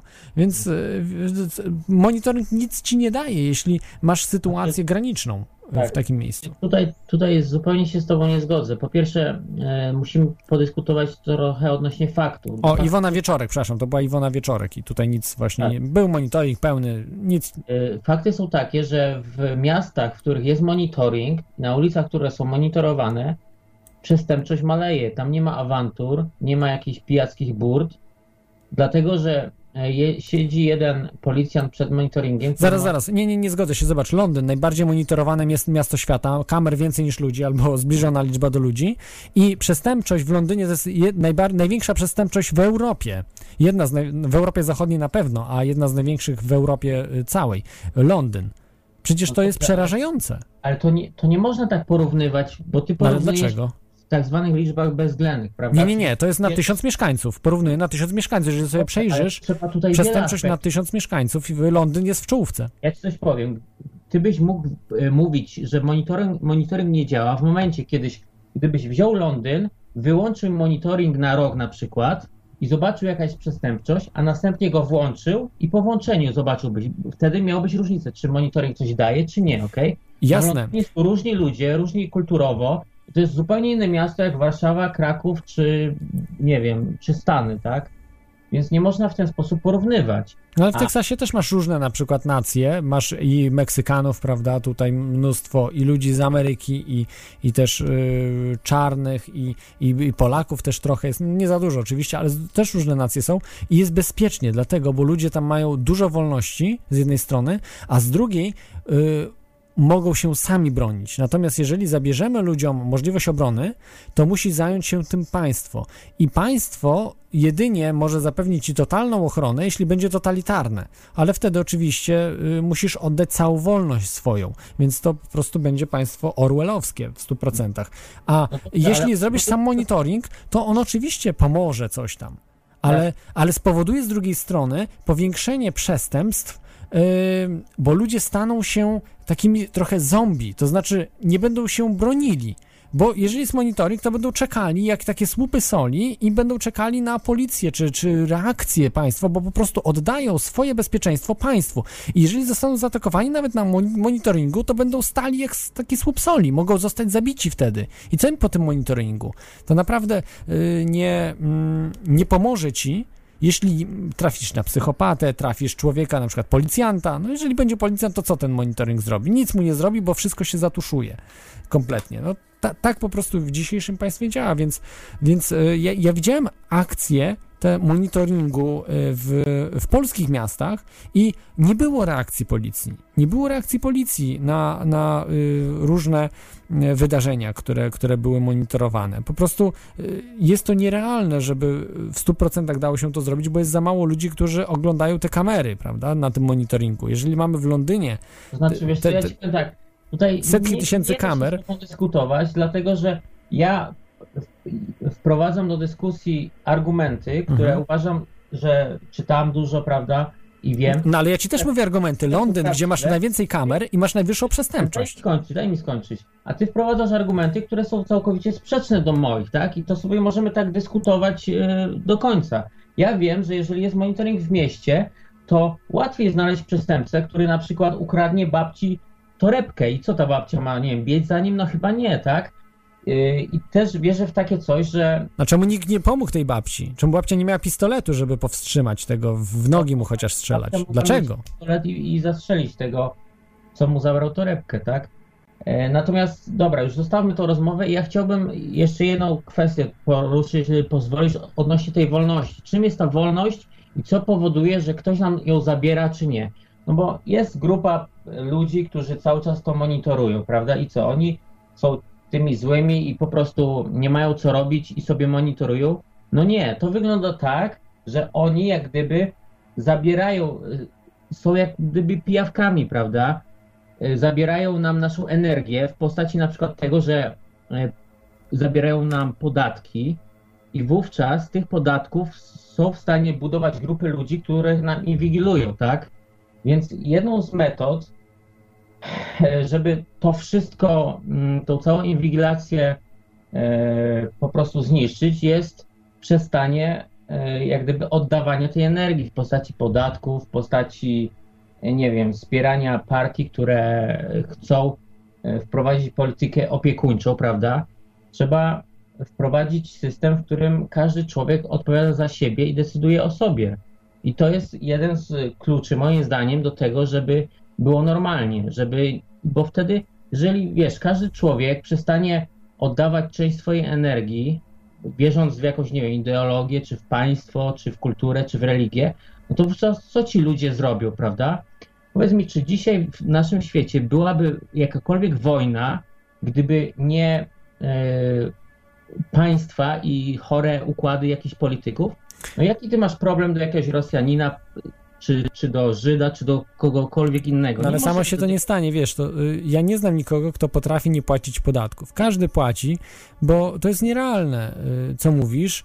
Na pewno też płacisz podatki, bo to jest normalne, bo y, po prostu nie da się. Jeżeli idziesz do sklepu, wszystko jest opodatkowane, czy Słuchaj, Ja supermarketu, nie mówię, żeby teraz wziąć nagle, przestać płacić podatki, tylko żeby e, promować tą ideę, żeby każdy człowiek był odpowiedzialny za siebie i nie pozwalał państwu, bo widzisz, jeżeli ty idziesz na wybory do Polski i głosujesz na partię, która mówi, że zaopiekuje się wami, dam wam darmową edukację, szkołę, bla, bla, bla, to jest właśnie inwigilacja, bo ty pozwalasz, żeby ktoś zabrał twoje pieniądze i za to e, zrobił coś, co na przykład, nie wiem, dla twoich dzieci będzie szkoła, darmowe szpitale i tak dalej. Wiesz o co mi chodzi, prawda? Tak, tak. Więc y, tutaj wiadomo, że to nie jest tak, że przestanę nagle płacić podatki, tylko trzeba po prostu mm, zmienić jak gdyby sposób, w którym chcemy, żeby poszła nasza cywilizacja, tak? Czy nasza, nasze, nasze społeczeństwo. Myślę, że inwigilacja to jest e, e, najgorszy sposób, aby do czegokolwiek dojść, bo to spowoduje, że właśnie ludzie oddają swoje bezpieczeństwo państwu i pieniądze tym samym, bo to wszystko kosztuje, tak? No ten monitoring to, to, to wszystko kosztuje, no, o to więc chodzi, właśnie. jeżeli mamy dobrowolny monitoring, tak, robiony na zasadzie na przykład osiedla monitorowanego coś tam, to jest co innego niż jeśli mamy miasto, które monitoruje wszystko i wszystkich, nie pytając się ludzi, którzy mieszkają w tym mieście o to. I to jest problem. Bo y, niestety tak to się dzieje, że nikogo się nie pyta. To, że się stawia fotoradary samochodom, to jest ten sam problem. Żeby na przykład ściągnąć, y, y, ściągnąć pieniądze od kierowców, tak? Olbrzymie, bo to są olbrzymie pieniądze. Czasami to jest większe, większe pieniądze dla miasta niż y, pieniądze, które mają w budżecie z podatków czy z jakichś tam różnych, e, różnych dodatków, które, które mają w, w budżecie. Także to, to czasami tak bywa. No jest, jest to absurdalne, jest to postawione na głowie, bo y, absolutnie to nie, zmie, nie zwiększy bezpieczeństwa. Być może, no trosz, troszkę może zwiększy bezpieczeństwo, to trzeba badania zrobić, ale z tego co widziałem, to liczba wypadków się wcale nie zmniejszyła. Liczba fotoradarów się zwiększyła drastycznie, a liczba wypadków, w tym śmiertelnych, się zwiększyła, więc coś, coś jest nie tak. E, I to, y, to, to nie idzie w parze. Być może jest po, korelacja, jakieś powiązanie z tym, ale y, no, powinno No, być praktycznie nie być pod, wypadków, bo przecież tyle tych fotoradarów nastawiali w Polsce, a, a jest wypadków coraz więcej. No. Mhm. I tutaj też jest sprawa mm, sposobu, do jakiego my podchodzimy, prawda? Bo y, wszyscy mówią, że wypadki, wypadki, ale kogo to obchodzą te wypadki? Czy ty znasz kogoś, kto poniósł śmierć? Czy, czy y, no bo widzisz, to jest tak, że jak jeździsz po drodze, ja na przykład mam tą różnicę, że jeżdżę po drogach europejskich i jeżdżę po polskiej drodze, prawda? To widzę, że powodem, dla którego są wypadki, jest brawura kierowców i, i prędkość w Polsce. To nie jest to, że mamy jakieś niedobre drogi, yy, że kierowcy są niekompetentni. Powodem jest to, że po prostu na gminie łamią przepisy i wyprzedzają i tak dalej, i tak dalej. Ale oni to samo, sami chcą robić, prawda? Sami chcą ginąć na tych drogach. Więc ja jak gdyby nie widzę tu problemu, bo. yy, A nie można po prostu lepszych dróg zbudować, y, autostrad, y, żeby były bezkolizyjne? Jest lepszych dróg, uwierz mi, naprawdę. Polska nie ma jakichś. No ja myślę, że jest, bo w Irlandii na przykład zbudowano sporo tych dróg i liczba wypadków się zmniejsza akurat. Jest duża oczywiście, bo jest bardzo dużo niebezpiecznych dróg, ale, ale zdecydowanie się y, poprawiła statystyka. Jak zbudowali y, sporo tych autostrad w Irlandii, więc, więc ma to, jest to duża korelacja, bo jednak jeżeli mamy, jeżeli mamy dwa pasy w jedną stronę, z jednej i z drugiej strony bezkolizyjne, no to jest dużo bezpieczniejsza podróż niż jak wyprzedzamy na trzeciego gdzieś tam i tak dalej, że są wąskie drogi. Wyprzedzamy Więc- na trzeciego, ale czyja jest wina, jeżeli wyprzedzamy na trzeciego? Złej drogi, czy idioty kierowcy, który wyprzedza na trzeciego? No zgadza się, ale niektórzy się po prostu spieszą, bo mają ważne To rzeczy do, spieszą, do to giniesz i koniec kropka i co ci to obchodzi? No. No tak. Jasne, tak jasne, ale jeżeli ktoś na przykład się spieszy, bo ma chore dziecko, tak, albo spieszy No, się, bo, bo y, ktoś, ktoś ma coś ważnego do zrobienia. Są różne rzeczy, no czasami warto się spieszyć i trzeba się spieszyć. Więc, więc autostrady umożliwiają to, że, że wtedy bezpieczne dotarcie do celu i, i jest, to, jest to oczywiste. Ja, ja nie mówię, żeby wszędzie budować autostrady, bo nie wszędzie są potrzebne, ale akurat w Polsce w paru miejscach się przydają i do dzisiaj one nie są jeszcze skończone. E, są Są drogi, ci mądrzejsi tobą tak manipulują, dlatego że powiedzą ci, że y, musimy zbudować lepsze drogi, musimy nastawiać wiele e, po to, No, ale, ale na autostradzie właśnie to jest absurd. No, jeżeli mamy autostradę, na to fotoradar łapisz, jest, tak? Bo jest mówisz, aha, no tak, trzeba zrobić bezpieczne drogi, więc płaćmy podatki, stawiajmy fotoradary i to jest inwigilacja po prostu. Nie, ja, ja nie mówię o fotoradarach, absolutnie, ja mówię o do, do bezpiecznych drogach. No to, no to mówię, no na bezpieczne drogi Bezpiecznych, szybkich drogach. Nie tak? możesz szybko na, na drodze, y, zwykłej drodze jednopasowej, z poboczem, nie możesz szybko jechać, bo to jest niebezpieczne wtedy i dlatego tyle osób w Polsce ginie, bo są drogi właśnie, te tak zwane ekspresowe, które nie powinny nazywać się ekspresowymi, tylko to są zwykłe drogi po prostu. em, e, krajowe, czy, czy jak, jak inaczej się je określa, no, które są bardzo niebezpieczne. Yy, i są wolne. Natomiast autostrady są szybkie i bezpieczne, więc, więc po prostu wsz- cała Europa Zachodnia właśnie budowała te autostrady, bo, bo są szybkie i bezpieczne. Że e, drogie są oczywiście, to kosztuje, ale jakoś opłaca się to zrobić, tak? Bo wtedy gospodarka lepiej, lepiej się rozwija, dzięki temu, że szybszy transport jest. No to jest normalne, po prostu nie, nie traci się czasu na y, długi transport. No zgadza się, oczywiście. Natomiast ja dalej twierdzę, że powodem Okej, mo- mhm. dzie- 90% y, ludzi ginie na polskich dro- drogach dlatego, że po prostu y, nie przestrzegają przepisów, bo jeżeli jest 50, to on jedzie 120, tak? I w krajach, które są poważne, które, w których przestrzega się prawo, y, na przykład w krajach skandynawskich, to jak przekroczysz y, prędkość o 50, to idziesz do pudła na dwa tygodnie. I wtedy już ci się od nie chce przekraczać y, prędkości i, i wiem to z autopsji, tak? Hmm. Nie ma, nie ma To zmiłu. też jest, pe- jest pewna też skrajność, bo nie uważam, że to jest dobry system też, w drugą stronę takie przegięcie. On nie jest ale- dobry, bo, bo ja ci coś powiem, bo w Norwegii ginie e, rocznie 50 Ale mają te autostrady drogach. jednak, mają świetne drogi, jednak znajomi byli, widzieli, drogi mają świetne. Kto, Norwegia? Tak. Posłuchaj, w Norwegii jest jedna autostrada, y, która przechodzi przez państwo, a reszt, przez sz- szerokość, a reszta to są drogi ekspresowe. Nie ma autostrad w Norwegii i, i tyle. No ale Nor- Norwegów jest ile? 10 milionów czy 7 milionów? 5 milionów. 5 milionów, gdzie państwo jest wielkości Polski, tak niemalże. Mhm. Więc, więc jest y, zagęszczenie ludzi jest 8 razy mniejsze, więc, więc nie ma potrzeby. Tak samo jest tutaj w Irlandii. Jest, jest też tylko mniejsze, kilka ale autostrad. jest tylko trzy razy mniej samochodów na przykład. Bo, No tak, ale jeżeli jest mało ludzi, to nie mają je- gdzie jeździć, bo ma na przykład ktoś pięć samochodów, no ale nie może pięć naraz używać, tylko używa jednego, więc, więc okej, ja się zgadzam, że samochodów jest dużo, ale, ale y, po prostu y, liczb, liczba tych samochodów na drogach nie jest, nie jest tak duża. Właśnie liczba na drogach jest tylko trzy razy mniejsza, dlatego że tutaj na przykład każdy jeździ samochodem, a w Polsce nie każdy jeździ. Tak? No już, no, oczywiście, że nie każdy, ale jednak duża część jeździ, jest naprawdę spo- sporo. Ale okej, zostawmy drogi y, może, to tylko jeszcze tak, tak na podsumowanie, czyli sądzisz, że y, Snowden zrobił słuszną sprawę, informując o tej totalnej inwigilacji, która mm, no, jest w rękach w tej chwili nawet nie tyle rządu amerykańskiego, a służb specjalnych y, rządu ameryk- amerykańskiego, czy NSA. No słuchaj, no postąpił tak, jak chciał postąpić. Oczywiście płaci za to ogromną cenę i, i nie wiem, czy jakbyśmy go dzisiaj spytali, czy zrobiłby to samo, odpowiedziałby tak albo nie, nie mam pojęcia. Natomiast y, no oczywiście zrobił bardzo heroiczny czyn, czyn, prawda, i będzie za to płacił do końca życia.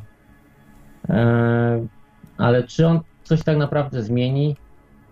No nie wiem, bo bo widzisz, my tutaj słuchamy teorii chaosu, ale w mainstreamie o tym nic nie ma, naprawdę. Nie no, troszeczkę mówią o Edwa- Edwardzie. Ja nie wiem, co w Polsce mówią, ale za granicą Jeżeli trochę, trochę mówią. Ludzie nie są tego świadomi, co, co to w ogóle jest, prawda? Ktoś tam powie, że coś tam ujawnili, no i co z tego? Dalej głosujemy na te same partie i, i płacimy te same podatki, jesteśmy tak samo inwigilowani, więc czy to coś zmieni? Nie sądzę. Ja myślę, że wszystko zmienia. To, to się tylko tak wydaje, bo y, słyszysz głosy ludzi takich e, standardowych zjadaczy chleba, natomiast jak będzie masa krytyczna ludzi, to taki zjadacz chleba, on wszystko łyknie. Jeżeli w mediach zaczną mówić o tych sprawach, o tych, o których mówimy chociażby tutaj w tej audycji, to y, taki standardowy zjadacz chleba będzie musiał myśleć po prostu o tym. Będzie musiał pomyśleć, będzie musiał się zdecydować, czy po tej stronie się ustawić, czy po tej, bo w końcu przyjdzie taki czas, że nie będzie miał opcji że go to nie obchodzi, tak? Bo już go nawet dzisiaj obchodzi to, czy yy, w Polsce ma być euro, czy nie, czy, czy co będzie, czy, czy banki nie zbankrutują chociażby też i w Polsce. Yy, takie rzeczy, tak jak co, co na Cyprze zrobiono, prawda, z, z bankami i z oszczędnościami ludzi. E, chciano zrobić, bo, bo, bo nie dokończono tego. To znaczy, ja po, podziwiam Twoją wiarę w ludzi, ale ja Ci powiem jedną rzecz. Grecja dzisiaj ma ogromne problemy, a jeżeli spytasz Greków, co jest powodem bankructwa Grecji, czy bliskiego bankructwa, to 90% nie odpowie Ci na to pytanie albo odpowie źle.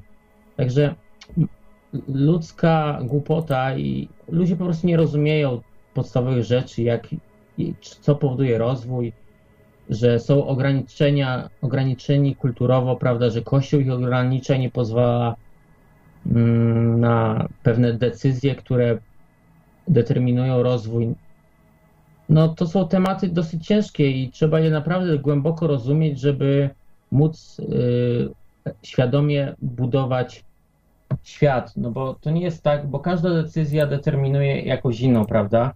Jeżeli my nie widzimy tego całego ogółu, no to ciężko takiemu prostemu zjadaczowi chleba wytłumaczyć, żeby, nie wiem, żeby głosował na tamtą albo inną partię, bo on po prostu tego nie rozumie. On chwyta tylko takie pojedyncze hasła, jak na przykład y, zlikwidujemy bezrobocie, e, damy zasiłki i tak dalej, i tak dalej. No tak, to są, to są inne problemy, które też poruszamy. Ja będę oczywiście zapraszał gości, niekoniecznie z siódmej gęstości, tak jak się przyjęło, ale także bardzo twardo stąpających po ziemi, którzy e, będą wdrażali różne rzeczy e, w różnych dziedzinach życia i będą mogli opisywać. Zresztą już wiele razy, prawda, byli y, goście od survivalu, od specjaliści komputerowi, którzy mówili o tych sprawach różnych, y, czy też właśnie od spraw ekonomicznych. No i y, postaram się, że będzie ich właśnie spora, spora mm, liczba tych osób, którzy, liczba gości, którzy opowiedzą o tych sprawach bardziej szczegółowo od strony profesjonalizmu, czyli jako profesjonaliści będą o tym mówili i Myślę, że to, to wtedy e, najlepiej wtedy będziemy mogli się dowiedzieć, jak ta rzeczywistość wygląda. Bo tutaj oczywiście tyle, o ile mogę powiedzieć, prawda, ile gdzieś przeczytam, gdzieś coś zrozumie, zrozumiem, e, ile mm, gdzieś coś przekażę, prawda, usłyszę od kogoś i potem przekażę to, jak, jak, jak tak zwany repeater, taki powtarzacz, no, także, także myślę, że wszystko idzie w dobrym kierunku, że kropla drąży skałę i myślę, że tego się powinniśmy trzymać. Także dziękuję Ci, Karolu, za ten telefon. E, to był Karol,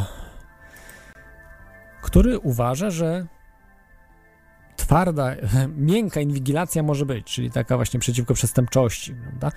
Oczywiście można zrozumieć te y, jego mm, argumenty i przyjmuje je, że, że faktycznie, że, że może się przestępczość zmniejszać, prawda, jeżeli będziemy stosowali ten monitoring taki miękki, tak zwany, czyli ulic, ale nie wszędzie to się sprawdza, tak? No w takim Londynie niekoniecznie.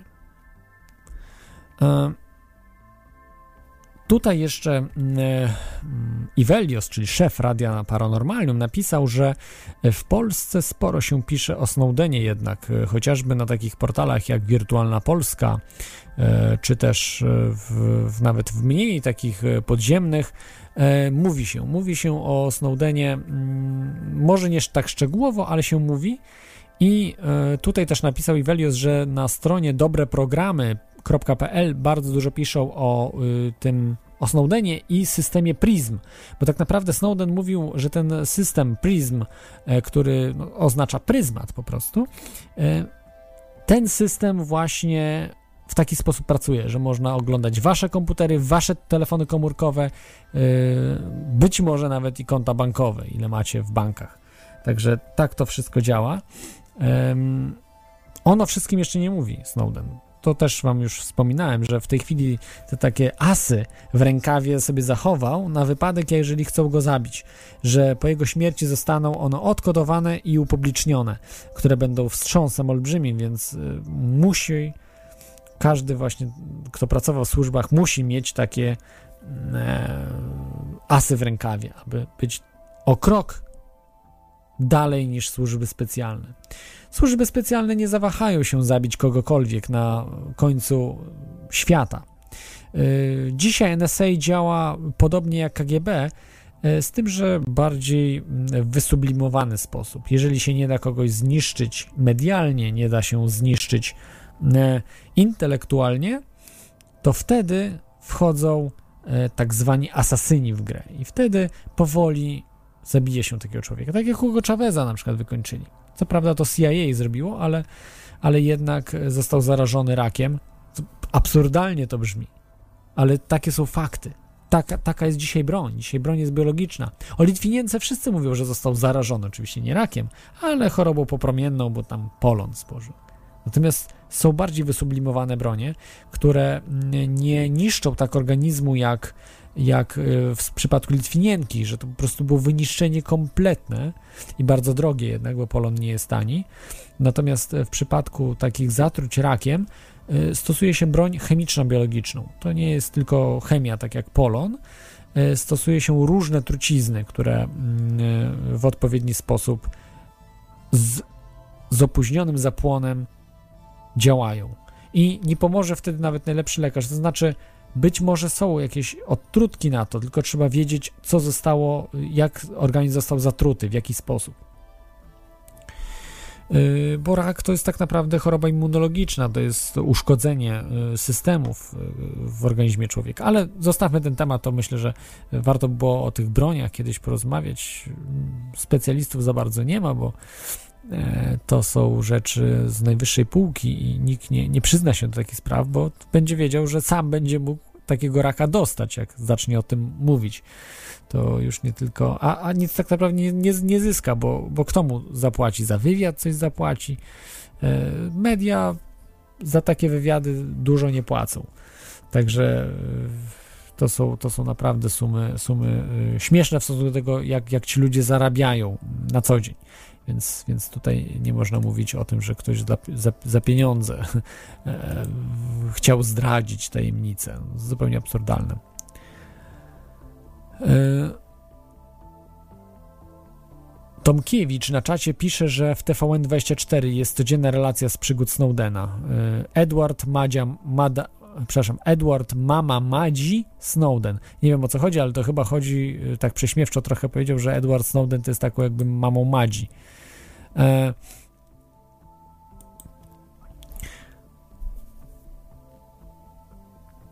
Także wróćmy może do Edwarda Snowdena. Chwilkę jeszcze o nim opowiem, a wy możecie zadzwonić skype radionafali.com i porozmawiać najlepiej właśnie w temacie inwigilacji i um, w temacie Edwarda Snowdena i tego, czy postąpił słusznie. i ogólnie o tym, jak służby niszczą wolność naszą.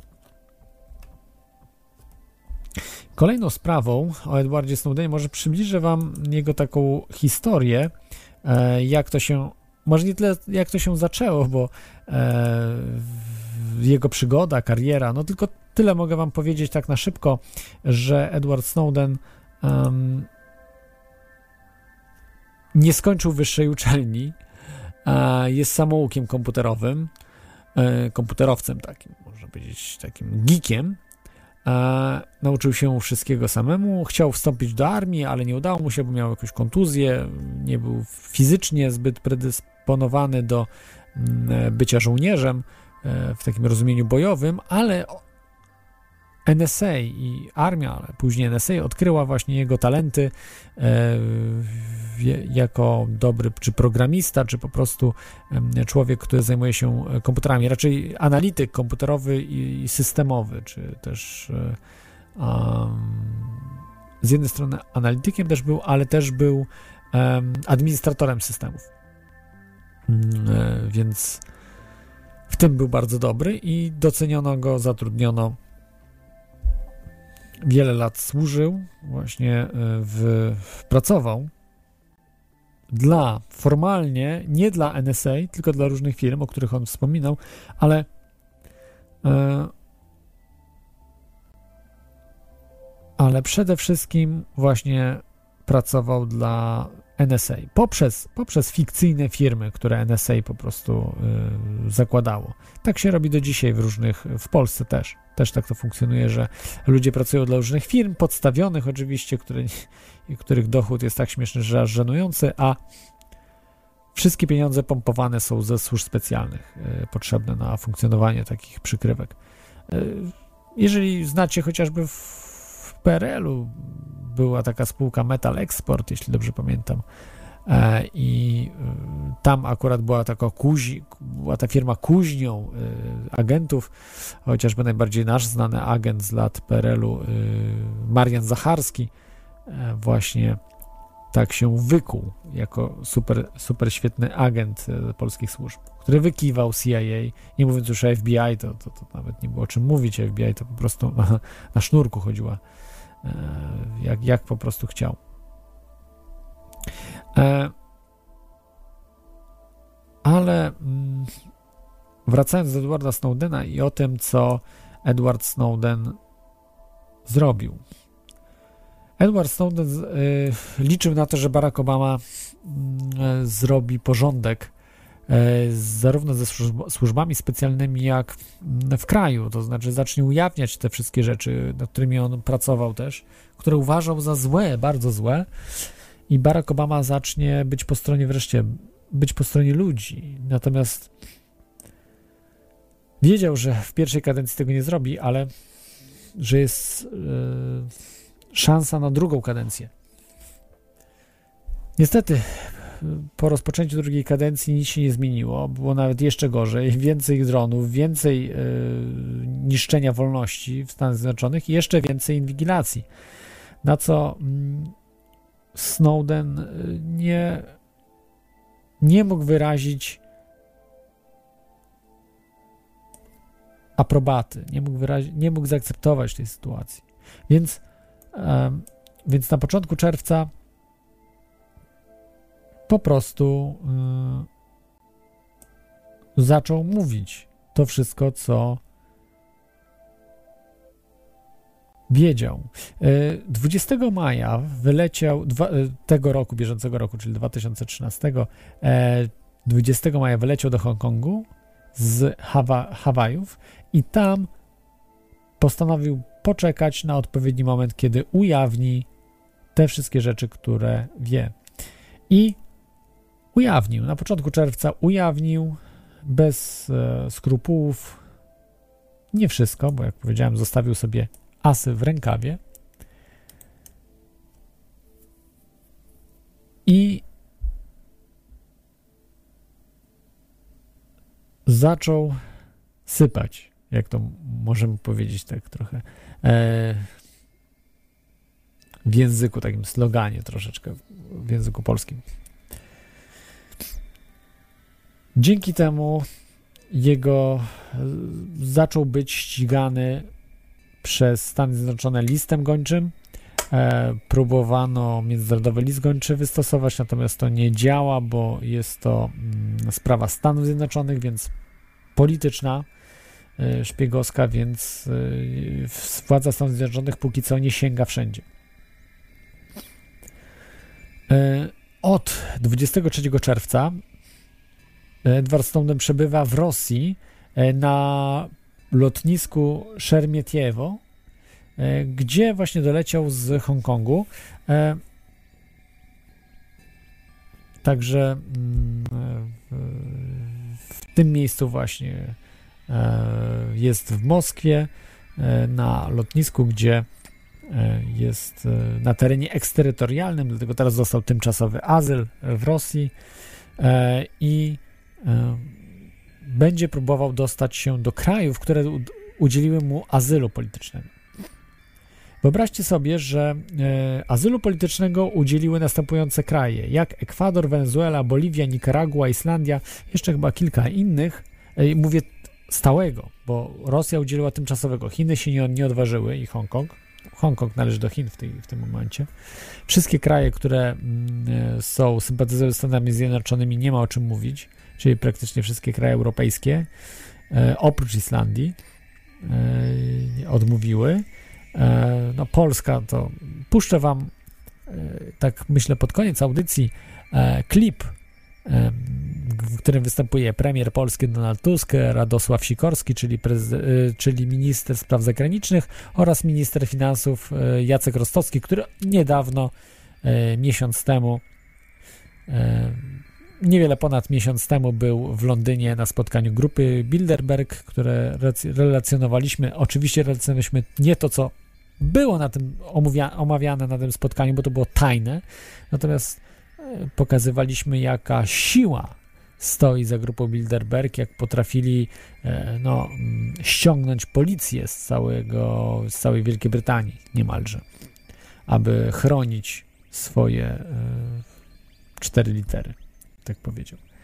E, Także ten klip, jak, jak po prostu dobrze się bawią nasi politycy, jak, jak są bezczelni po prostu wobec człowieka, który robi coś słusznego.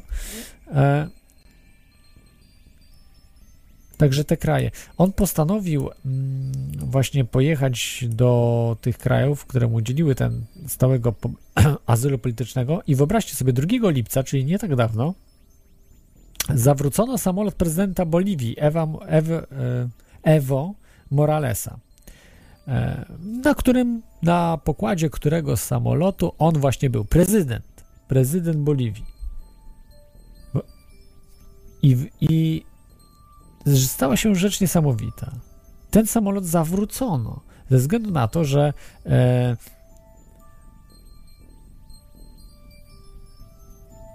on e, na terytorium Austrii został zawrócony ze względu na to, że e, Francja, Portugalia, Hiszpania i Włochy nie zgodziły się na przelot nad ich krajem.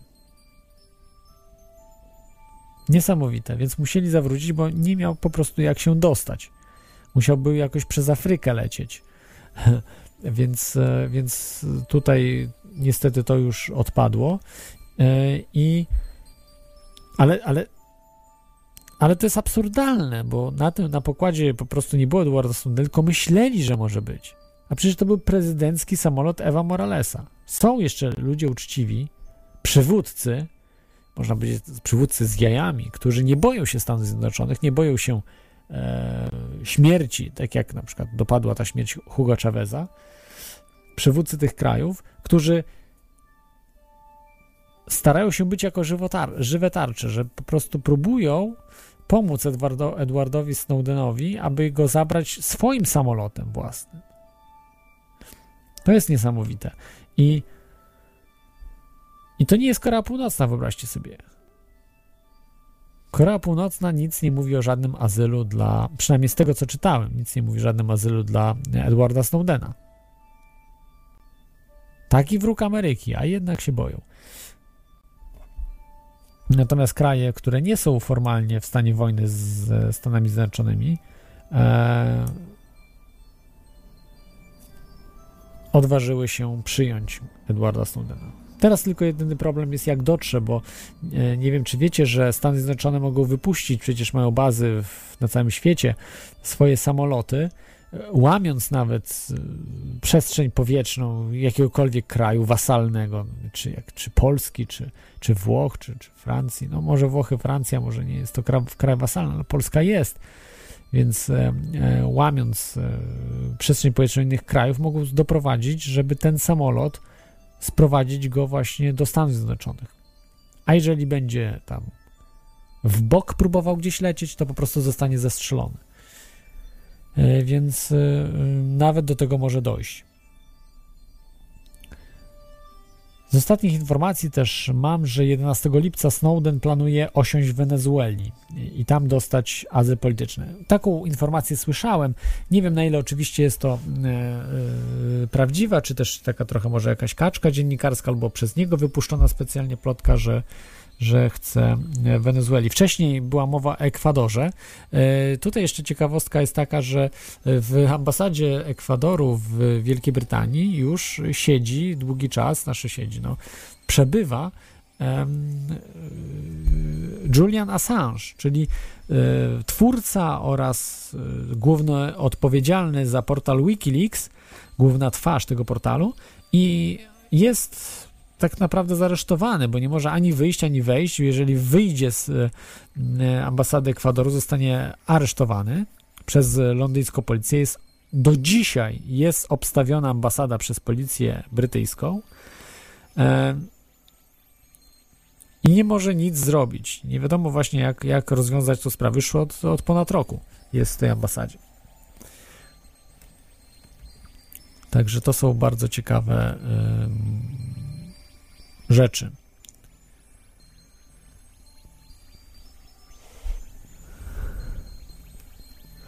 A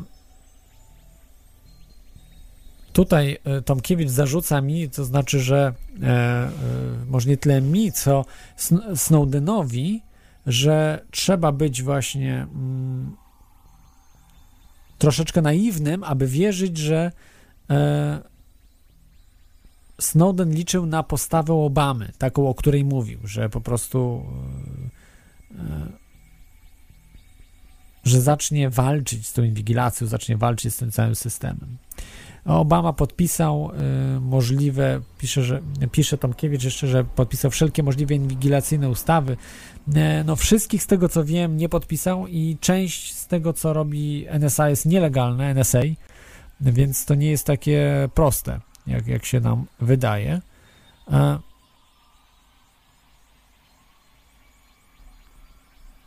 ale no, jest jakiś Czemu nie? No, może po prostu był naiwny, tak. Mo, może był, każdemu się zdarzyć. Jest mnóstwo ludzi bardzo inteligentnych, mądrych, oczytanych, mających bardzo rozległe pojęcie o świecie, którzy lubią Obamę i dalej myślą, że jest wspaniałym prezydentem.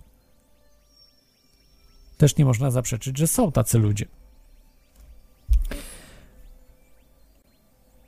Także nie wiadomo, jak się rozwiąże ta sprawa z mm, e, Edwardem Snowdenem, jak on dotrze do, do tych krajów, które udzieliły mu azylu. E, trzymamy kciuki. Mam nadzieję, że uda mu się dotrzeć. E, bardzo dużo myślicieli i aktywistów czy dziennikarzy, właśnie amerykańskich, popiera Edwarda Snowdena.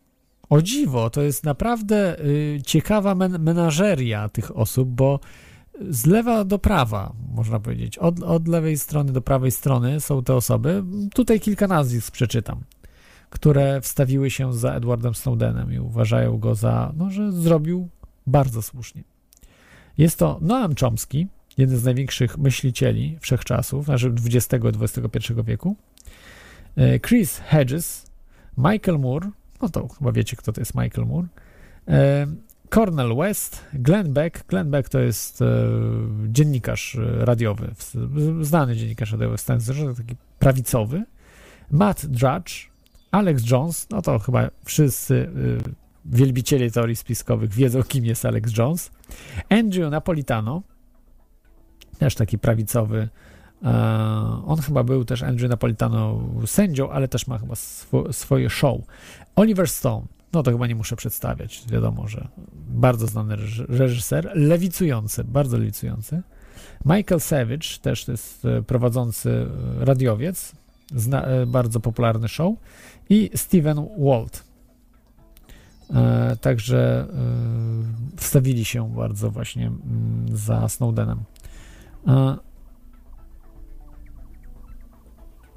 Także mm, wielu oczywiście serwilistycznie nastawionych dziennikarzy, jak chociażby e, Jeffrey Tobin, e, bardzo skrytykowali Snowdena i oczywiście chcą dla niego no, niemal kary śmierci.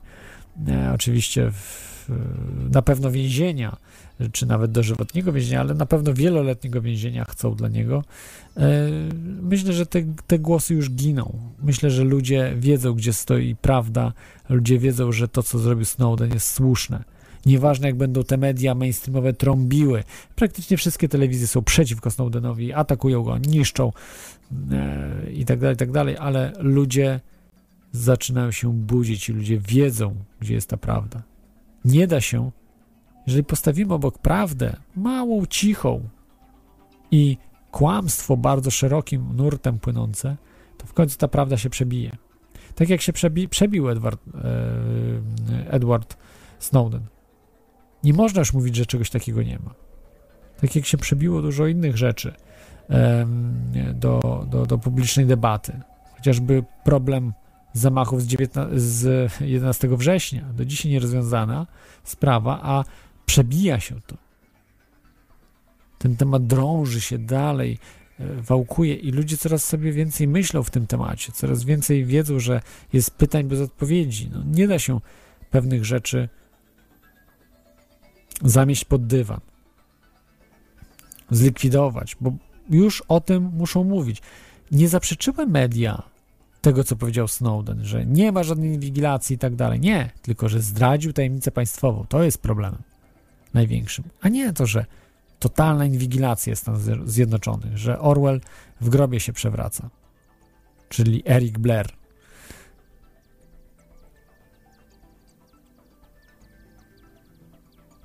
Niesamowite. Nawet wiele w Polsce, e, wyobraźcie sobie, mediów internetowych, specjalnie jakoś nie mówi o Snowdenie dużo.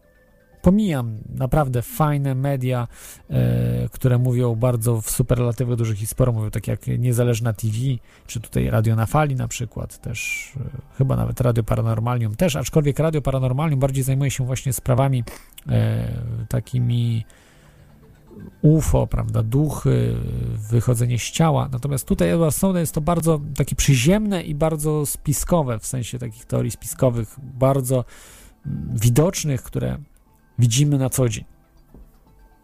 A przynajmniej mówimy o tym na co dzień. E, i to też jest symptomatyczne, że boją się mówić, nie wiem, czy boją się mówić, czy też uważają go, że za zdrajcę, nie wiem, czy zdrajcę kogo, czego, że, że, że, że to było coś bez sensu, to co zrobił. Jest, jest to dziwne, bo internet powinien grzmieć po prostu jednym wielkim głosem, że ten człowiek zrobił to, co miliony co miliony ludzi nie, co miliony ludzi nie pomyślałoby, że mogłyby zrobić właśnie postawił się w miejscu działania słusznego. I to jest trochę przykre, ale myślę, że te inne media dorosną, internetowe dorosną do tego, że to jest naprawdę ważny temat. I jeżeli poruszają tematy polityczne, jeżeli poruszają tematy e, internetu, muszą o tym mówić. Nie da się tego zamieść pod dywan. Jeżeli dzisiaj tego nie zrobią, to jutro po prostu ich biznesowa otoczka cała zmusi. Ludzie, słuchacze zmuszą ich. Albo odejdą po prostu. Widać właśnie w Stanach, gdzie ci jedni z popularniejszych radiowców, a nawet ludzie, którzy się pojawiają w mediach, e, czy też są częścią Hollywood, mówią o tym i się nie boją. Od, od lewej strony do prawej. No, trudno powiedzieć, nazwać Noama Chomskiego y, bliskiego, prawda, Glenowi Beckowi, czy też e, Olivera Stone'a i Michaela Savage'a w jednym, albo Michaela Mura i Alexa Jonesa w jednym e, szeregu ustawić. Także, także, także jest coraz lepiej, myślę. Coraz więcej informacji wychodzi i warto mm, Warto po prostu stać po tej stronie, mówić ludziom o tych sprawach, że, że tak nie powinno być, że, że ta inwigilacja niszczy po prostu społeczeństwo, że to nie działa absolutnie do, nie, nie ma służyć do y, polepszenia naszego bezpieczeństwa. Absolutnie nie. Ma tylko i wyłącznie służyć do inwigilacji ludzi aktywnych, którzy chcą, sprzeciwiają się temu, co się dzieje na, na, na świecie. A przede wszystkim, co się dzieje y,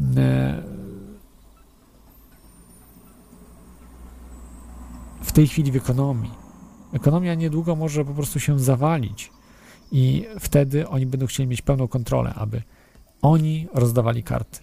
Oni, czyli globaliści, ci ludzie, którzy stoją za NSA, NSA, to nie są ludzie, którzy sterują wszystkim. Nie, są ludzie, którzy mają w ręku NSA.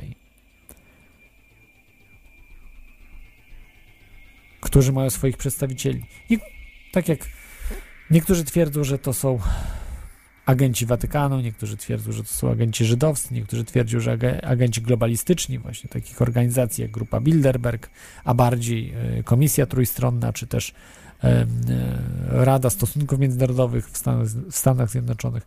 Tego typu właśnie instytucje, które stoją, czy tam Komitet 300, niektórzy twierdzą, jeszcze bardziej tajna organizacja, albo e, Okrągły Stół, który istniał, istnieje, bo to e, Roundtable e, jest e, znaną rzecz, sprawą w Wielkiej Brytanii i to nie jest żadną tajemnicą już dzisiaj. Tak samo jak Komisja Trójstronna czy Rada Stosunków, Stosunków Międzynarodowych. Także jeszcze czekam, jeżeli chcielibyście zadzwonić. radionafali.com, Skype. Odbiorę telefon od Was. Tak już dosłownie ostatni, także macie szansę jeszcze się, e, jeszcze porozmawiać w tym temacie. Przypomnę, że tematem jest e, Edward Snowden. Jego słuszna postawa. Właściwie tematem audycji jest szersza, e, szersze spojrzenie na rzeczywistość, tak jak właśnie ten em, system Prism, Pryzmat, który był współtworzony przez Snowdena i tak naprawdę ten system, dzięki temu systemowi można in- inwigilować ludzi totalnie. Czyli bu- zbudować trzeba najpierw narzędzia, które posłużą nam do czynienia zła, tej totalnej inwigilacji ludzi. Można wykorzystywać później w różnym celu, tak jak na przykład y, y, bardzo inwigilowany był Martin Luther King przez no, ze zwierzęconego człowieka, no bydle nad bydlęta w Stanach Zjednoczonych, to był y, em, Ed, Edgar Hoover, jeśli dobrze pamiętam. E, to był no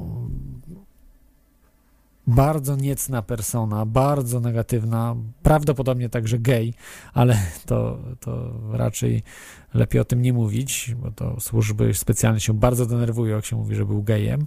Nie wiem dlaczego, no przecież każdy ma prawo być kim chce.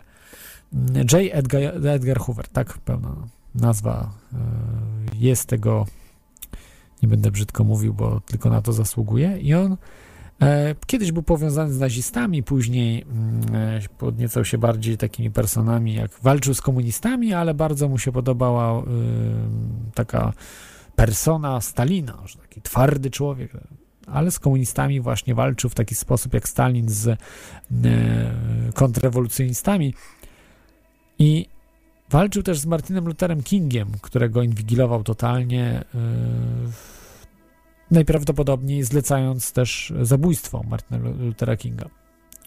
Na to dowodów jednoznacznych nie ma, ale, ale y, bardzo dużo y, z tej inwigilacji po prostu y, próbował niszczyć, czy małżeństwo y, Martina Luthera Kinga, czy po prostu dookoła, do, do, do współpracowników wysyłać różne rzeczy, które tam w życiu złe rzeczy robi Martin Luther King. I, I to było bardzo coś okropnego każdego z was można, no wiadomo, że różne rzeczy się z kimś tam skok w bok facet zrobi, prawda, czy kobieta zrobi skok w bok w małżeństwie, czy też jakieś inne głupie rzeczy w życiu yy, ludzi się zdarzą i te rzeczy wykorzystuje się przeciwko tej osobie. Można naprawdę zrobić bardzo dużą krzywdę. Robią tą krzywdę. Już w czasach właśnie J. Edgara Hoovera to robiono. Szkoda, że tego mm, zbyt lęconego człowieka który miał bardzo niecne rzecz, rzeczy na sumieniu, no właśnie seks, prawda, z innymi facetami, gdzie miał też chyba żonę nawet wtedy. To wszystko było tak pokręcone i jemu oczywiście nic nie można było zrobić, był szefem FBI w tamtym czasie. I dzisiaj jest to, to samo jest stosowane, aby zniszczyć osobę, żeby y, pokazać, jaką jest niedobrą osobą. Pomimo, że ludzie, którzy podsłuchują, są jeszcze gorsi. Jeszcze gorsi znacznie. J. Edgar Hoover był naprawdę y, człowiekiem niegodnym, bo y, niszczył inne małżeństwa, po prostu był rozpustnikiem totalnym. Jest z nami Jurek. Witaj, Jurku. Sobie wyciszę. Jeśli możesz wy- słuchać w Skype'ie. Słucham? Jeśli możesz słuchać w Skype'ie, nie słuchaj w, w radiu. No słucham, słucham, tak, Aha, właśnie super, wyłączyłem nawet, Ekstra. nawet fizycznie. E, ja chciałem powiedzieć o tym, co mówił stały słuchacz na początku audycji. Tak. No więc e, w sytuacji, kiedy, e, kiedy masz na przykład billing u, u operatora, no to spisek by musiał być na e, takim poziomie, że e, na przykład NSA musiałoby także współpracować z operatorem, żeby operator fałszował e, wyniki przesłanych danych, tak? E, które, które ma u siebie. Jeśli masz licznik w komputerze i ten licznik się różni od licznika mm, e, operatora, to, to często się zdarza, tak? Ale Nie, to nie, jest, to inaczej jest, wiesz, robione. Jest, jest e, taki system Echelon, czy Echelon, e, który po prostu mm, ma zdublowane jakby kabelki. I nie wiem dokładnie, jak to się robi. To można obejrzeć w internecie, mm, e, że są specjalne pokoje na, na uniwersytetach czy gdzieś, e, akurat tutaj w telekomunikacji, są te komórki esz- Echelona w Polsce i te wszystkie właśnie połączenia, które idą komórkowe, wszystkich firm komórkowych, przechodzą właśnie przez taki jakby ten pokoik, czy, czy ten jakby system połączony z Echelonem i kopiuje. I to wszystko kopiuje do siebie. Wiesz o co chodzi? I, i to nie, nie będzie na żadnych billingach, bo, bo po prostu to jest kopiowane to, co, to, co się dzieje w e, sieciach komórkowych. No ale to, no, no, no dobrze, załóżmy, że tak I to jest. się jak dzieje, to, to, nie, to, nie są, to nie jest fikcja, to jest już robione od kilku, kilkudziesięciu lat. A w, Ale- Pol- w Polsce ale- 15 lat, jak weszliśmy do NATO, za, zaczęto to robić. A, okej, ale to... Ale to nie jest fikcja, to nie ja wymyśliłem, to naprawdę są fakty. No, ale no, no dobrze, no to nie, no to ja zakładam, że masz rację, tak? To teraz e, wyobraź sobie, to, czyli y, musisz sugerować, że istnieje druga sieć szkieletowa internetu poza internetem. Nie, nie, nie, nie, nie, nie, nie. To ja nie mówię o internecie, e, mówiłem teraz o komórkach i telefonach. E, Mhm. Internet to jest inna sprawa. E, Do internetu mają wejście poprzez systemy komputerowe albo urządzenia elektroniczne. Czy na przykład karty sieciowe, które mają dodatkowe jakieś tam, nie wiem, protokoły, które są nieznane, a które wykorzystują, po prostu wysyłają nie, w niewidoczny sposób dane. Może coś takiego być. Ja nie wiem, nie znam się na tym, ale su- wydaje mi się, że coś takiego mogli uruchomić. Na pewno Słuchaj, są backdory w na- systemach. Nawet nie muszą tak robić. Nawet nie muszą tak robić, jak mówisz, dlatego że e, jest w tej chwili e, zastosowany w procesorach Intela, tych najnowszych e, i, i starszych o generację także, m, taki tak zwany system, który się nazywa vPro. I, e, I ten system e, dokładnie pozwala na przejęcie kontroli nad całym komputerem, tak? E, czyli tak zwany KVM, przez kartę sieciową, nawet na wyłączonym komputerze fizycznie, ale to nie jest nic, znaczy oczywiście, wiesz, tam mogą być wgrane klucze NSA do, do, do, do, do tego firmware'u i oni mogą się łączyć kiedy chcą, jak chcą i nikt ci o tym nie powie, ale sam protokół y, jest otwarty dla użytkownika, można sobie ściągnąć do niego oprogramowanie, można go używać samemu, mając takie procesory z tą technologią, bo one nie wszystkie są wy- wyposażone w tę technologię. I y, wiesz, i, ta, i tu nie trzeba mieć żadnego Wake Online, które wiesz, jest od 30 lat na rynku. E, Wystarczy po prostu kupić sobie nowy komputer w MediaMarkt. No. No, no ale jak, jak ten procesor to odpali? Przecież musi energię dostać najpierw, żeby się odpalił. To Słuchaj. y, Chodzi o to, że jak masz, jak masz procesor w komputerze w tej Tak. chwili, to on robi wszystko, nie z procesorem. ale musi być do prądu. Musi mieć prąd, prawda? Nie, Ależ oczywiście, Tak. ale to rozumiesz, no, większość ludzi jednak nie wyjmuje z gniazdka. No tak. A, a nawet jak, wyjm, a jak mają notebooka, no to nie wyjmują baterii, tak? Zgadza się. Więc wystarczy, że komputer jest fizycznie podłączony do kabla sieciowego i zresztą większość ludzi jak ma notebooki, to nie ma kabla sieciowego, ale to druga sprawa. nie? E, I, I wtedy, wtedy możesz spokojnie takim komputerem zarządzać, czy ty, czy, czy nie ty. To znaczy wtedy trzeba tylko odpalić taki komputer i wtedy jak procesor dostanie, tak, to procesor wyda polecenie płycie głównej, żeby się, żeby się odpalił komputer.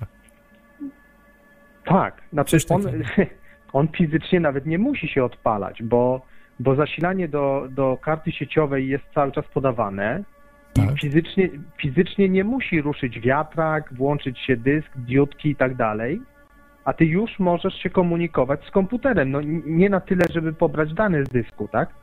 Ale na tyle, żeby, żeby sprawdzić aktywność, zmienić ustawienia i tak dalej, tak? Wow, On, tak. No to o tym no nie wiedziałem nawet. Takich ta, ta, tak to działa, no.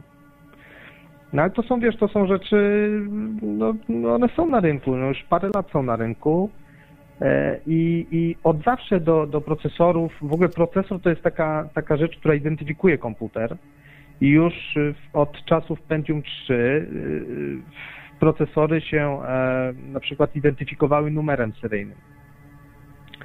Czyli każdy procesor miał zaszyty numer seryjny, który mógł wystawić na zewnątrz. E, I, I tą funkcję mogłeś w BIOSie przy Pentium 3 zablokować albo odblokować. Teraz już nie ma, wiesz, teraz wszystko oddajesz. Aha, no, a tak tylko z ciekawości się zapytam, czy, czy pracujesz w branży komputerowej, bo znasz się bardzo dobrze na tych sprawach? Tak, tak. Tak bardzo dobrze to niekoniecznie, ale wiesz, no akurat w tym temacie wiem, no to, to chciałem się e, podzielić ze słuchaczami, ale ja, ja wiesz co, ja, ja nie jestem przekonany w ogóle, jeśli chodzi o e, ruch internetowy, żeby, żeby bo widzisz, bo, bo są określone sieci szkieletowe i one są bardzo drogie do wybudowania.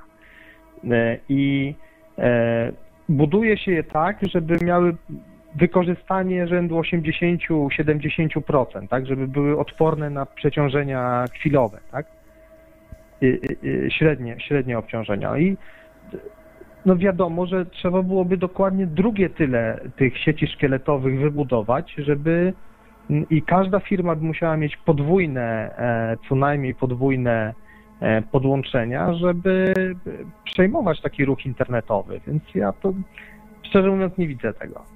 A nie wystarczy tylko kopiować to po prostu? Na komputerach? Ale... No mają tam komputery te i, i, i powiedzmy i Echelon i on kopiuje te wszystkie dane. No, teoretycznie na tych, teoretycznie na routerach głównych, yy, faktycznie oni mogliby być podło, podłączeni do routerów głównych i ściągać wszystko, yy, ale te routery byłyby konkretnie obciążone, więc yy, hmm, bo one też by były drugo, drugie tyle roboty robiły, co normalnie, a poza tym, a poza tym, gdyby faktycznie tam coś było, to w jaki cudowny sposób oni by to odkładali, zapisywali, to ja nie wiem. Nie wyobrażam sobie tego. Na, no. Przynajmniej na tych, na, tych, na tych pamięciach masowych, jakie są w tej chwili dostępne na rynku, moim zdaniem, że takie przepustowości, żeby ściągać po prostu ruch z kraju, są niemożliwe. Aha. No trudno powiedzieć, ja nie, nie, nie, chcę, bo słyszałem tylko o tym, że tak oni właśnie robią, że mają tam światłowody podpięte, tak jakby, e, to, to znaczy to światłowody normalnie idą, ale oni mają takie rozgałęzienie jakby poprzez wzmacniacze, że dzielą sygnał na dwa.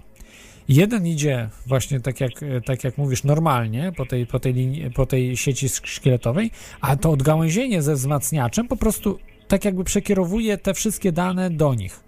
Y, zdublowane po prostu, prawda? które i tylko w pewnych punktach to jest. To nie jest tak, że w całym internecie, tylko w tych głównych punktach, gdzie oni to zbierają, te, te, te rzeczy i nagrywają. Słuchaj, może tak być, może, może tak być, nie powiem, ale wydaje mi się, że sam, y, sama idea, jaką w tej chwili się posługują, to nie jest zbieramy wszystko i, i, i zastanowimy się, co z tym zrobimy później, tylko raczej jest sytuacja taka, że na przykład, nie wiem, e, śledzimy Zuzię i ustalamy, że startujemy 1 marca. I teraz Zuzia jest od 1 marca. Wszystkie dane, które w jakiś sposób identyfikują Zuzię, e, są zbierane, albo są zbierane dane wszystkich o znanym typie, typu, nie wiem, maile, typu rozmowy na Skype. Na, to, na rozmowy na Skype i tak przechodzą przez serwery Skype'a, więc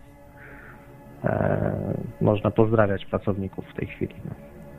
Bo kiedyś Skype działał inaczej. Kiedyś działał, działał Skype peer-to-peer między komputerami, a od momentu, kiedy kupił Microsoft, to Microsoft zbiera Centralizacja. rozmowy. No tak, bo to chyba przez serwery Microsoftu przechodzą rozmowy, prawda? No w tej chwili tak, ale, ale oryginalnie Skype był zaprojektowany inaczej, tak? Tak jest, tak jest. No wiadomo, wszystko do, co dobre się kończy niestety. Więc y, i Skype się też skończył, ale będzie czas, że, że, przejdziemy na inny system. Ja też się zastanawiam, czy nie, nie przejść na jakieś, jakieś inne, na inny system, które, które są, które polecałem. Nawet tutaj mam gdzieś zapisany. Jest e, no w, tej chwili, w tej chwili gdzieś miałem to odpalone, ale, ale gdzieś zgubiłem. O, jest, mam. E, zamiast Skype'a są na przykład e, takie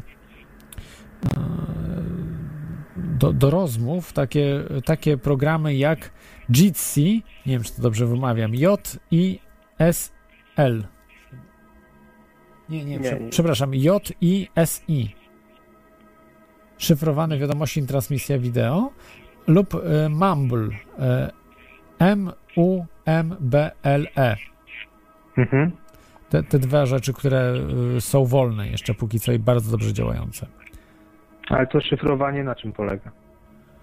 E, nie mam pojęcia, mam tylko tutaj informacje. e, No bo wtedy nie podane. zadzwonisz z telefonu, tak?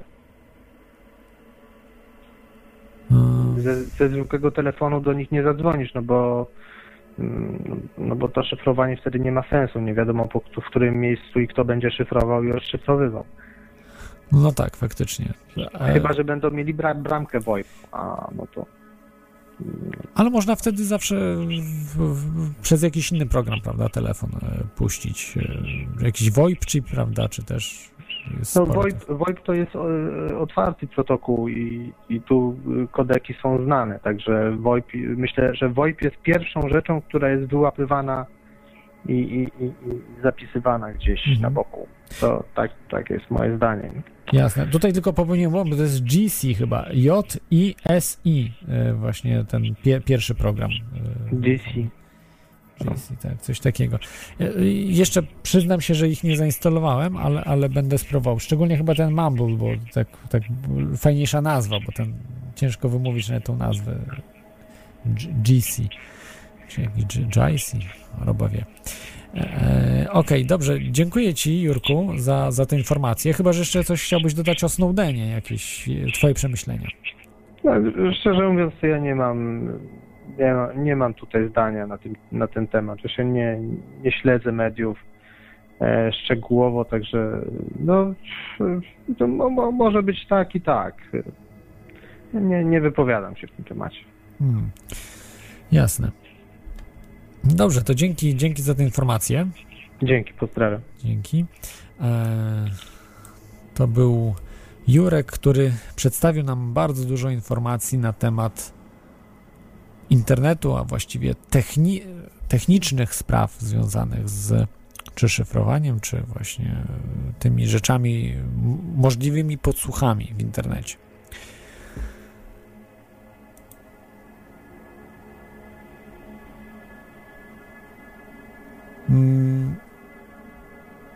Także na dzisiaj to już myślę, że będzie koniec. A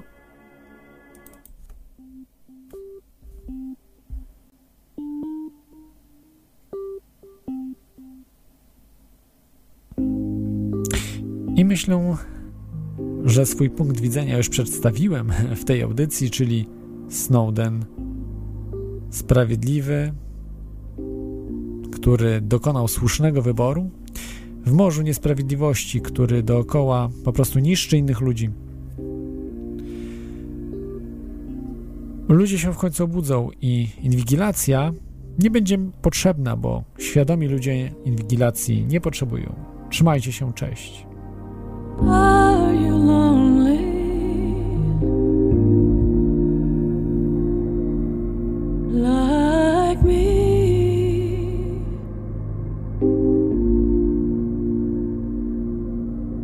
No one